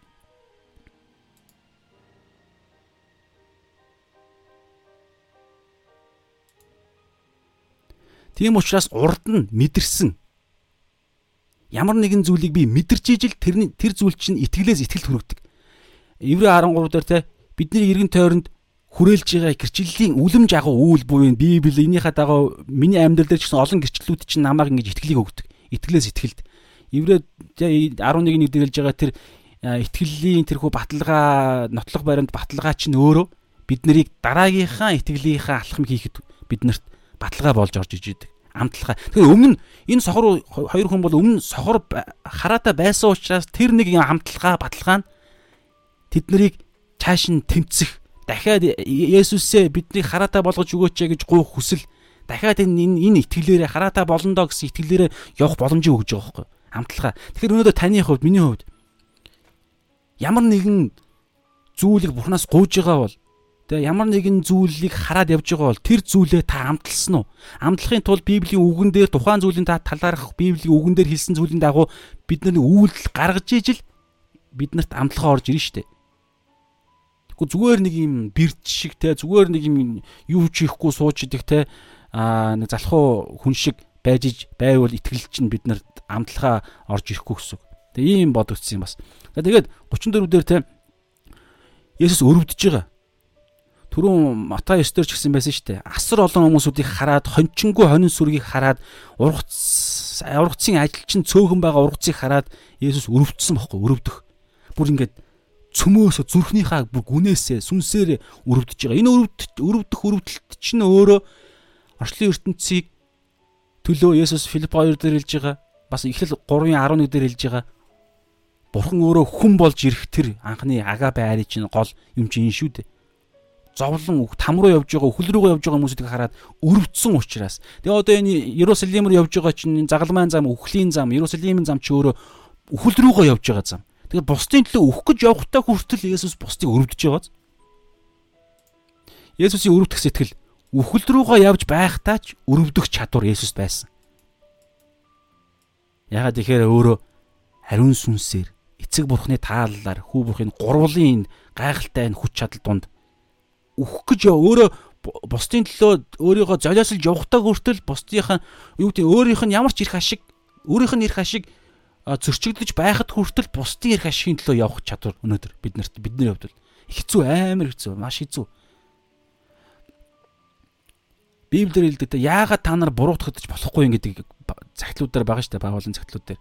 Яагаад яагаад буруутгагдаж болохгүй гэж яагаад хохирч болохгүй гэж гэдэг энэ үг надад л амар хэцүүс. Би амар маш тийм нөгөө нэг шудраг байдлыг амар хүсдэг байхгүй. Дамаа чуулган дээр ч юм уу дамаа бурхны хүмүүсүүдийн дунд ийм их юм болохгүй би бүр ингээд амар хэцүү болдог яагаад Библи дээр юм байгаа гэж Бурхныгаа дагдаг байж та яагаад ингэж байгаа юм бэ гэдэг нэг тиймэрхүү байдал. Гэтэл тийм төвшөнд хүртэл Бурхан юу гэж байгаа гэхээр чи яагаад буруутгах гэж болохгүй юм. Пастор ахлагч нар маань хүртэл зөвлөдөг. Яагаад буруутгах гэж болдоггүй. Яагаад хохирч болдоггүй. Энэ хохирох буруутгах гэдэг юм хэлэх үед надад лав тухай энэ үгийг сонсох үед пастор ахлагч нараас сонсох үед би яадгүй гэхээр үгүй тэгтээ гэд би дээ. Тэгэхээр ингэж тэгтээ гэж хэлж байгаа зүйл цаад би ингээд зүрхээ шалгахаар би биенээ одоо Йохан дээр хэлж байгаа шүү дээ. Йохан 15 дээр хэлж байгаа, Йохан 13-34 дээр хэлж байгаа. Та би таныг яаж хайрласнаа би биенээ хайр. Би биенээ. Би таныг хайрлж болно л та хохирж мохироод. Гэтэл та яагаад намайг хайрладаггүй юм бэ гэдэг юм би үгсээд байгаа байхгүй шудраг байл. Гэтэл тийм дэр хүртэл Есүс Есүс болон тэ пастор ахлагч маань юу гэж байгаа гэхээр үгүй чи өөрөө гэдэг байгаа байхгүй. Чи өөрөө хин нэгнээс хайр бити өс. Чи өөрөө зүгээр бусдыг хайраад хохир хохир гэхэд байгаа байхгүй. Тэгэхээр Тэгвэл хэн намайг хайрлах юм бэ гэдэг би тиймэрхүү байдал надад дотор маань орж ирэнгүүтлээ. Үгүй би би тэгж зовмооргүй байна. Би тэгж гадуурх юу гэдэг вүлээ. Аа одоо нөгөө нэг их ашгаа зөрчүүлж ингэж те доошо буума юу гэдгүүлээ нөгөө нэг юм хохирмааргүй байна. Хохирмааргүй байна. Гэхэд өгдөг. Иний цаана миний дотор үл итгэл байсан байгаа даахгүй. Үл итгэл. Би хохирох ёстой юм байгаа. Хохир хохирж би буруутгагдах үед буруутгагдаж хохирч сурах гэдэг энэ зүйл чинь зүгээр ингээд өөрийгөө гаргуунд гаргаж байгаа юм биш юм байлээ. Би хохироод буруутгагдах үед хэн намайг хохирох биш хохирлыг нь баргадуулж хэн намайг би энэ дэлхий дээр хүн төрлөختөн тэр байтгаа чуулган дээр хүртэл ахын дүүснийхэн дунд хүртэл би хэн нэгнээр буруутгагдаж хохирох үед хэн намайг буруутгах биш өмгөөлж хэн намайг хохирлыг нь баргадуулах вэ гэхээр тэр ахын дүүс маань биш. Дотор маань байгаа бүтээгч бурхан өөрөө. Ариун сүнс маань өөрөө. Ингээд ирэхээр өөр нэг миний хэрэгцээг ахын дүүс маань биш бурхан хангаад ирж байгаа байхгүй. Есүс яг энэ. Есүс өөрөө үхэл рүүгээ хохироод амь насаараа хохироод гүйлч бүх зүйлээрээ хохироод тэ юу гэдгүүлээ хохироод буруутгагдаад одоо энэ чинь загалмаа дээр шүүх санхедрийн очиод буруутгагдана шүү дээ бүр. Бурхны бурхны хүмүүсүүдээр хүртэл буруутгагдана. Бала бласфеми буюу бурхны доромжлогч гэдэг түүнийг загалмаа дээр аал ингээд өөрсдийнхөө худлаа юм гаргаж ирээд тэгээ буруутгагдана. Хохирно. Бүх зүйлээрээ хохирно. Тэххүүд яасан гэж. Энэ дэлхийн ертөнц биш. Бүтээгч бурхан Филиппо 2:6-аас 9-өөс 11-ийн дагуу Бурхан түүнийг үлэмжийн дэдэ өргөмжлөөд алив нэрээс дээд мэнийг түүнд өгөөд Тэнгэр газар дээрх газар газар тэнгэр дээрх газар тэнгэр дээрх газар дээрх газрын доор байгаа бүх зүйлс түүнд мөргөгч хүндлэх тийм байр суурийг түнд өгж байгаа байхгүй. Нөгөө хохироогоо дайсан хүмүүсүүд нь бүр ингээд эсэргээрээ түүнийг бүр ингээд шүтэн бишрэх тийм төвшөнд дараагийн алдаршуулах гэдэг юмд. Тэгэхээр үүний төлөө бид наан хохирч буруутан сурах хэрэгтэй байгаа. Тухайн үедээ би буруутан болохтой зүгээр ингээд би зүгээр ингээд амиа орлож байгаа юм шиг гаргуунд гаргаад ингээд за одоо ингээд одоо хинч намаа одоо юу гэдэг хинч намаа тоохгүй. Хинч намайг хохирлыг нь барагдуулахгүй. Яг бодит байдлаар шудраг хосыг бодоход маш бодиттойгоор бүр яаж харсан миний зүв байсан байсан үед хүртэл Есүс яг тэгсэн шүү дээ.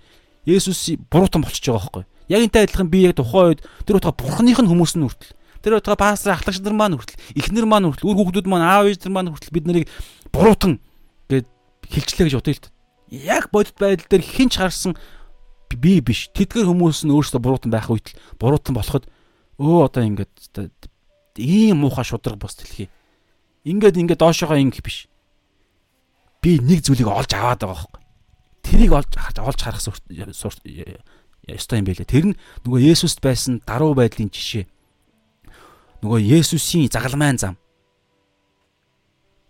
Тэнгэрийн энэ дэлхий дээр Матай 18 дээр хэлж байгаа 20 дээр хэлж байгаа энэ дэлхий дээр зарц, боол, буруутан хамгийн сүүлд байгаа нэг нь Тэнгэрийн хаанчлалд хамгийн ихэнд хамгийн агуу нь байна гэж байгаа байхгүй.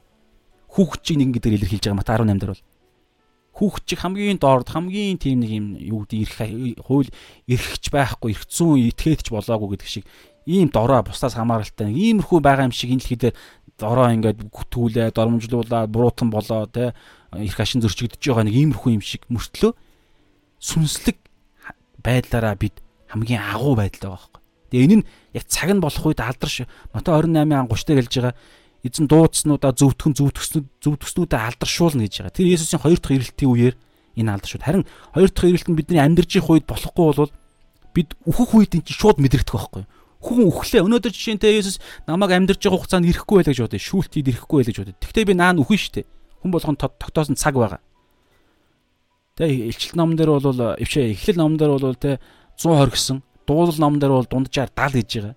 Аа ойролцоогоор нэг 70-аас 100 жилийн хооронд л амьдарч байгаа хүн үхэн шүү дээ. Тэгээ үхэх үед тэр өдөр миний хувьд Есүсийн хоёр дахь ирэлтийн эхний төлөв байдал эхэлчихэж байгаа байхгүй.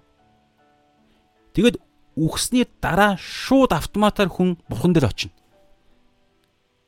бурхан дээр очисон очиж гинөө эсвэл шууд нүдэ нээхэд бие маань шатж гинөө гэдгийг хүн өгснийхаа дараа шууд мэдэрнэ.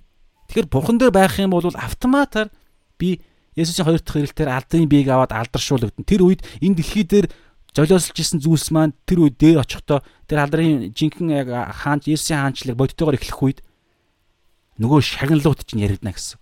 Тэгээ энэ шагналууд чинь бидний мөнхийн өмч өмч маань болно. Илчилт 2:17 дээр бол Бурхан бид хоёроос өөр хинч мэдэхгүй шин нэрийг нэрийг ялагч нэгэнд хүн болгонд өгнө гэж байгаа байхгүй. Тэгэхээр хувьчилсан гайхалтай ялгаатай ялгаатай мөнхийн хувь тавилга хүлээж байгаа. Тэрийг энэ дэлхий дээр хин бусдын бусдын төлөө өөрийгөө золиосолж хин хохирч хин буруутхан байхтай хүртэл буруутан байхтай хүртэл тэнд сорилтонд орохгүй тагтаа шиг гимгүү байж чадах бай. Эзнийхээ доор байсаар байх бай. Эзэн шигээ тэ зарц боол болж явж чадсаар байх бай гэдэг чинь гэдгээс шалтгаалж мөнхийн улсад гайхалтай шагнал яригдчихэ. Тийм учраас энэ Есүсийн өрөвдөх чадвар нь бол ийм гайхалтай байсан. Үхэл рүүгээ явж байхдаа өөртөл бусдын төлөө үйлчлсээр л байсан. Тэгээд дахин хараатай бол итгэлчин чамааг аварлаа гэдэг нь үг хэлж байгаа. Яг англи NRSV дээр бол аварлаа гэдэг үг нь байгаа боловч бус зүйлсээр бол тэ well буюу итгэлчин чамааг сайн болголоо эдгэлээ гэсэн санаагаар байгаа. Гэхдээ NRSV-гийн орчуулган дээр бол аварлаа гэдэг үг байгаа. Ялгаа байхгүй.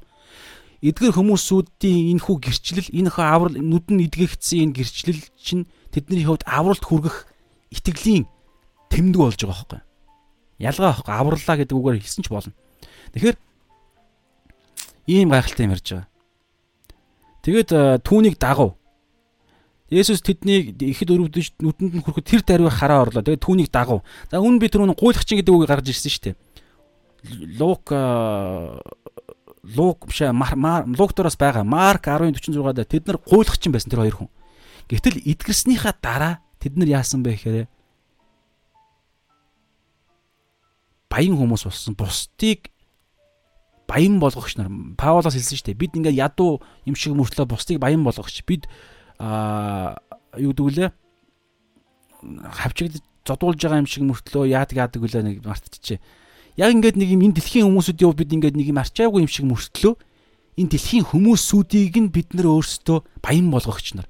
Нөгөө нэг сайн мэдээ тунгалдагч нар гэрчин гэрчлэг гэрчлэгч нар давс болох бусдыг тэ бузар давс чинь өөрөө бусдыг амт оруулдаг муутахаас нь хамгаалдаг гэрэл бол бусдыг илчилдэг бас бусдыг тэ бурхан руу харуулдаг үннийг илчилдэг. Тэгэхээр бид өөрсдөө хүмүүсүүдийн хувьд бид нэг тим харагдаг мөртлөө цаана гайхалтай баян болгогч нар амин өгөгч нар одоо юу гэдэг лээ тийм ярьж байгаа. Тэгэхээр тэд нар гуйлах чинь байсан мөртлөө одоо яаж байгаа гэхээр Есүсийг даагч нар болж хөрж байгаа Энэ дагагч нар гэдэг чинь мөнхийн улсад хамгийн гайхалтай байр суурь аврал яригддаг. Энэ дэлхий дээрээ ч гэсэн ивэл ирүүл яригддаг. За тэг ийм ярьж байгаа. За дүгнэлт. Нэгдүгürt гол зүйлээ үргэлж голоор нь байлгах гэдэг юм ярьж байгаа. Гол зүйлээ үргэлж голоор нь байлгах.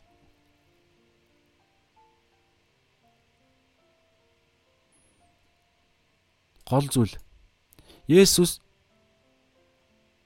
үхэл рүүгээ явж исэн мөртлөө тухайн үед Есүсийн ирсэн зорилго юу юм?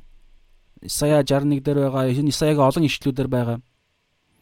Бусдын төлөө л ирсэн. Бусдын төлөө. Яг энэ хоёр хүний төлөө ирсэн байхгүй. Тэгэхээр тухайн үед Есүс үхэл рүүгээ яваад асар их тэмцэл тулаантай байсан мөртлөө зорилготой өөр нэг зорилгоо хартсан байсан мөртлөө хажууд нь байгаа жижигхэн жижигхэн юм шиг хүмүүсүүдийн төлөө хүртэл юм зогсож зогсоо тэднийг эдгэж байгаа байхгүй. Гэтэл тухайн жижигхэн жижигхэн хүмүүсүүд чи өөрсдөө тэр хүмүүсүүд чинь хаанчлалын гол зорилго. Есүс үүний төлөө ирсэн. Тэгэхээр одоо жишээнтэй чуулганд ч юм уу эсвэл ямар нэгэн байдлаар бид нэг quantity гэж ярьдаг тоог их чухалчлах гад байвал заримдаа аюултай санагддаг шүү. Олон итгэгч нартай байх нь чухал биш байхгүй. Хамгийн гол нь Есүсийг дагдаг, дагалдагч л чухал. Та бодолтой Есүс яагаад 12 дээрээ л төвлөрөөдсөн. Яагаад 12 гэсэн? Яагаад Есүс 3 жилийн үйлчлэлээр зөвхөн Израиль үйлчлээд исэн? Яагаад? Яагаад те 3 жилийн хугацаанд байж болох бүх хүмүүс одоо түр Мата 15 дээр Кана эмэгтэй хүртэл эхнийхээ төлөв байдлаар бол гуйлтанд хариулахгүй байгаа шүү дээ. Ягаад тэгэхээр хүний ухаан биш үгүй бурхны том төгс төлөвлөгөө. Тийм учраас гол зүйл юу гэдэг би юу ярьж латик тоо чухуулчлах биш. Хамгийн гол нь чанар. Тэгээ энэ чанар чи юу гэхээр нэг хүний л эрх ашиг хэрэгдэж байгаа. Нэг хүний л төлөө би өнөөдөр амьдарж байгаа гэдэг ойлголт. Нэг хүний төлөө л чуулган оршин тогтнож байгаа. Нэг хүний төлөө л бурхан ирсэн. Нэг хүний төлөө. Тэгээ энэ нэг хүн чи өөрөө бүх хүн баггүй юу? Тэгээ өмнө ирж байгаа тэр хүн л хамгийн чухал. Есүс яг ингэж ирсэн. хажууд байгаа тэр хоёр хүний төлөө итгэж байгаа. Тийм учраас гол Есүсийн харин бидний хувьд бидний хувьд гол зүйл юу юм? Есүсийн үгийн дагуу амьдрах. Есүсийга таньж мэдээд Есүсийга л дагах. Энэ бол хамгийн гол зүйл. Та өнөөдөр ямар ч дүр төрхтэй, ямар ч авяас бэлэгтэй, ямар ч нийгмийн талбараар байсан, ямар ч хүн байсан танд ганцхан л зорилго байгаа. Есүсийг дагаж, Есүсийн явсан замаар л Есүсийн доторл Есүс гэсэн ганц замаар л явах. Эфес 2 дээр бас 4 дээр бас байгаа. Бид бүгдээрээ нэг итгэл. Тэ? Та би уншчи. Тэгээ өндөрлөе дөө. Эфес 4 дээр За иймд та нар дуудагдсан тэрхүү дуудлагатай зүг зохистой явахыг эзний хоригдл би хичээнгүүл яатах. Ингэхдээ хайранд минь альва даруун дүлгөөн зангаар би биенээ хүлцэн дэвчиж амар тайвны холбоос нь сүнсний нэгдлийг хадгалахыг хичээх тун. Та нар дуудлагынхаа нэг л найдварт бид бүгдээрээ ямар хүн байх хамаахгүй нэг л найдварт дуудлагын нэг найдвар тэр нь Бурхны алдрын найдвар гэж ярьж байгаа. Бурхны алдаршуулга. Та нар нэг л найдварт дуудагдсан нэг л найдварт дуудагдсны адил нэг бие Есүс нэг л толгойтой нэг л бие, нэг л эрх ашигтай, нэг л бие ярьж байгаа. Нэг бие, нэг сүнс. Бүх таны дотор миний дотор нэг л сүнс байгаа, ариун сүнс. Нэг бие, нэг сүнс, нэг эзэн. Миний эзэн намайг их тайван гэдэг. Инх тайвны эзэн инх тайван биш. Инх тайвны эзэн мөнгө биш. Инх тайвны эзэн инх тайвны мах бие модон биш. Инх тайвны эзэн Монголын төр засаг биш. Инх тайвны эзэн гим нүглийн боолчл биш. Инх тайвны эзэн Есүс. Энтэй адилхан та яг адилхан Таны эзэн зөвхөн Есүс. Хэрвээ таны эзэн Есүс биш өөр нэг юм байвал танд аврал байхгүй байхгүй гэсэн үг. Танд одоо ч гэсэн аврал хэрэгтэй гэсэн. Тийм учраас бидний эзэн ерөөсөө Есүс. Тэгээ энэний төлөө амар тайвны холбоо те би би нэг энэ доор нь ингээд таван талд дөрвөн талд үйлчлэл өгдөж байгаа. Чуулган муулга энд хаанчлалын чинь тогтолцоо энэ нэг зүйлийн төлөө явж байгаа байхгүй. Нэг би нэг итгэл дараа нэг итгэл биднэрт нэг л итгэл байгаа ялгаатай ялгаатай. Уг нь би гайгаад байдаг байхгүй. Одоо ингээд энэ дэлхий дээр ингээд янз бүрийн ингээд нөгөө нэг гаж уурсгал биш мөртлөө янз бүрийн нэг юм чиглэлүүд байгаад байгаа байхгүй. Би энэ дээр бол гайхдаг. Нэг библ байгаа мөртлөө, нэг сүнс байгаа мөртлөө, нэг эзэн байгаа мөртлөө, нэг чуулган гэж байгаа мөртлөө яагаад ялгаатай ялгаатай итгэлүүд гарч ирээд байна. Яагаад ялгаатай ялгаатай урсгалууд байгаа юм. Би гайхдаг байхгүй. Тэгээ энэ дээр нөгөө нэгдлийг хүмүүс барьж чадахгүй байгаа байхгүй эв нэгдлийн холбоосыг хийж чадахгүй байгаа. Гэтэл нэг Библийг судлаад яг илчлэлээр хэлж байгаа ачлан Библийг цогцоор нь юу салга юу юу нүгдүүлээ заримыг нь хасахгүй заримыг нь нэмэхгүй яг цогцоор нь Библи бүгдээрээ судлаад бүгдээрээ хамтдаа нэг нэгнээс суралцаад ингээд явбал. Эв наримтлын төлөө минийх л илүү манай одоо жишээн дээр юу байгаа байхгүй юу dispensation гэдэг нэг урсгал байгаа байхгүй диспенсац гэдэг зөв урсгал юу зөвч явахдаа яг библийн зөвлөд зөв Гэхдээ би яг ингээд их уг нь их зүгээр. Гэхдээ яг ингээд судлаад ингээд ирэхээр дахиад ингээд нэг юм хязгаарлалчаад байгаа байхгүй. Цогцоор нь ингээд юм биш. Тэгэхээр ингээд бүгд хамтдаа ингээд суугаад бид бүгдээрээ нэг эз нэг ариун сүнстэйгээд ариун сүнсэндээ итгэх юм бол ариун сүнс чинь тэр эв нэгдлийг хоорондоо бариад нэг библийг зөв ойлгуулад хамтдаа нэг л чуулган нэг бий байх боломжтой байхгүй. Тэг Монгол монголчууд маань битгий ингээс аяж үнэхээр л хүсэж чинь битгий хуваагдасаа. Тэгээд энэ бүх үзийн төлөө аа гол зүйл те. Тэг энэ дээр нэг эцэг нэг бөгөөд тэгээ дараа тэр бол бүгдийн эцэг нэг бурхан нэг итгэл нэг баптизм нэг бурхан гэж байгаа. Тэгээд сүлдээ бас ингэж байгаа. Аа заримыг нь илч. За ингээд ийм энэ зорилгын төлөө заримыг нь илч, заримыг нь ич үзүүлэгч, заримыг нь сайн мэдээ тунгалагч, заримыг нь хончин ба багш болгосон. Тэгээ энэ бүгдийнх нь зорилго зорилго нь бол чуулган байгаагийн зорилго бол ариун хүмүүсийг үйлчлэлийн ажилд бэлтгэж Христийн биеийг байгуулахын тулд юм а гэж байгаа. Тэнгүүтлээ миний хэлэхэд байгаа санаа нь бид бүгд итгэхгүй ба бурхны хүүг мэдхгүй дор нэгдэх хүртлээ төлөвшсөн хүн бортлоо Христийн дүүрэл чанарын хэмжээнд хүртлээ ингэх ажээ. Чуулганд ч байгаа юм энэ нэгдлийн төлөөл байгаа. Христийн биеийг бүгд итгэхгүй итгэл ба Бурхны хүүг мэдэх мэдлэг дотроо нэгдэхийн тулд Бурхны хүүгийн зарим хэсгийг нь зарим хэсэг нь судлаад зарим итгэлийг өөр нэг итгэлийг бий болгоод байгаа юм биш. Болох ёсгүй гэж байгаа байхгүй. Харал та тэгж байгаа сте. Ингиж энэ дөрвөн тал үйлчлэлийн чуулган байгаагийн зорилго нь бол ариун хүмүүсийг үйлчлэлийн ажил бэлтгэх нь ариун хүмүүсүүд бид бүгдээрээ шүү. Бид бүгдээрээ ариун хүмүүс. Гэхдээ үйлчлэлийн ажил гэдэг нь зөвхөн чуулганы үйлчлэл биш. Талбар талбар дээрээ ялгаатай ялгаатай үйлчлэл буюу нийгэм рүү илгээж ажил ажилчид болохын тулд энэ чуулган байгаа. Тэгээ ингэхдээ Христийн биеийг байгуулахын тулд Христийн бие буюу хаанчлалыг нэг бие шүү дээ. Түрүүн дээр нь хэлсэн нэг бие. Нэг биеийг нэгдмэл нэг биеийг байгуулахын тулд чуулганыг байгуулахын тулд хичээд бид бүгд одоо сонсоорой бүгдээрээ гэж байгаа зарим нь биш. Бид бүгдээрээ итгэл итгэхгүй ба итгэл гэсэн үг шүү дээ. Итгэл Бурхны хүүг мэдэх мэдлэг дотроо нэгдэх хүртлээ ингэж чуулган оршиж байгаа. Нэг итгэл, нэг мэдлэг, Библийн дагуух нэг мэдлэг.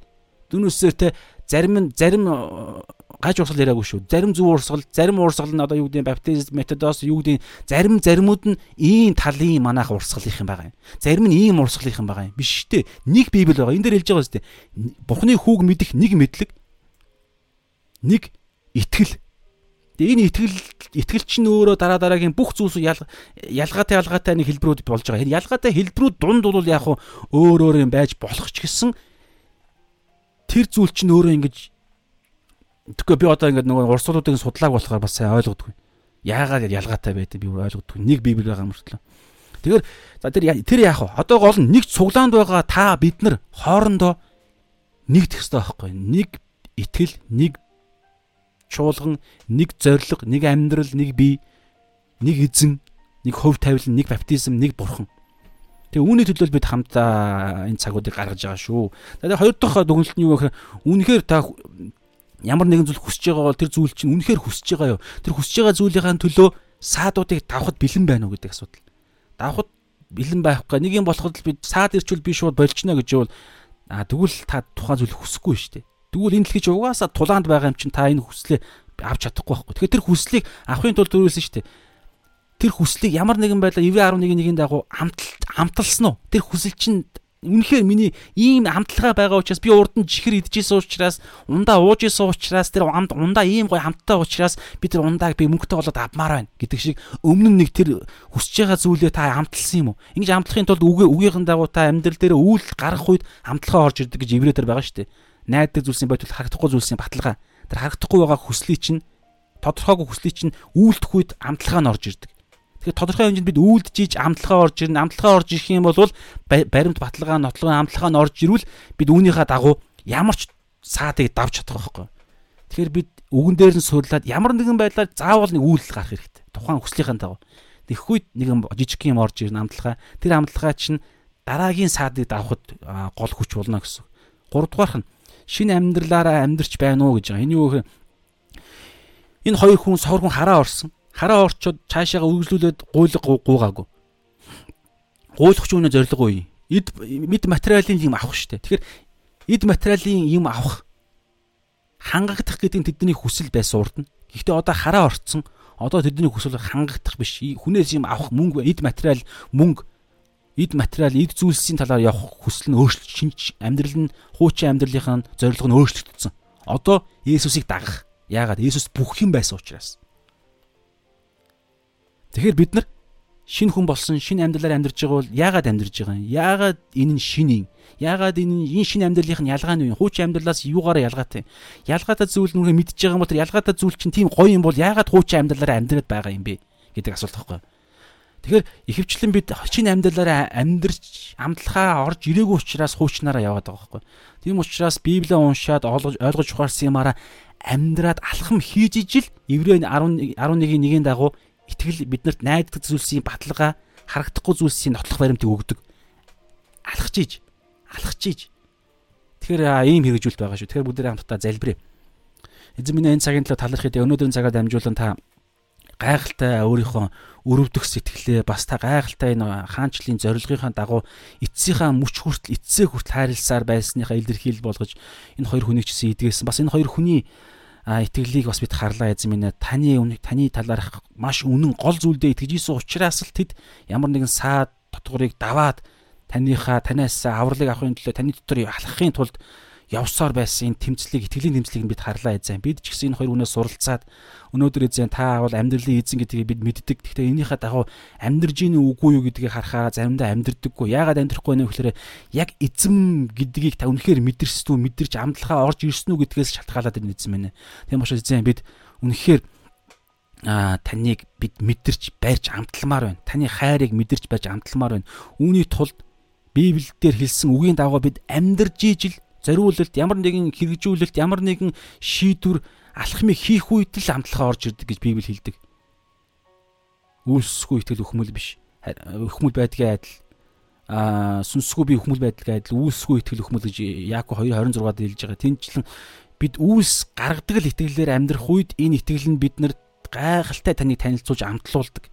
Энэ үед бид шинэ амьдралаар амьдрах болно гэдгийг бас харлаа талархын эзэн минь танд хандсан хүмүүсүүдийг эзэн та өдөр дараа тэгээд биднийг та дараагийн цаг хүртэл хамгаалаар Есүсийн нэрээр аминь. За энэ цагийн төлөө талархын хамт байсан хүмүүстээ баярлалаа. За хамт шалом амин хамт байсан хүмүүстээ баярлалаа. Наран туяа дорц сүрэн гэдэг хүмүүс бичсэн маань уншия юу гэж байна. Эзний үгийг итгэмжтэй дамжуулж байгаа талархыг Библиэс хамтдаа уншаад яах явхаар гайхалтай байна. Эзэн та алдарш болтугай хамтдаа уншихаар гайхалтай байна. Амен. Үнэхээр үргэлжлүүлэн хамт байя. Тэгээд Библиэ бариад хамт явхаараа бичээс бидний хувьд фокус болчихж байгааз.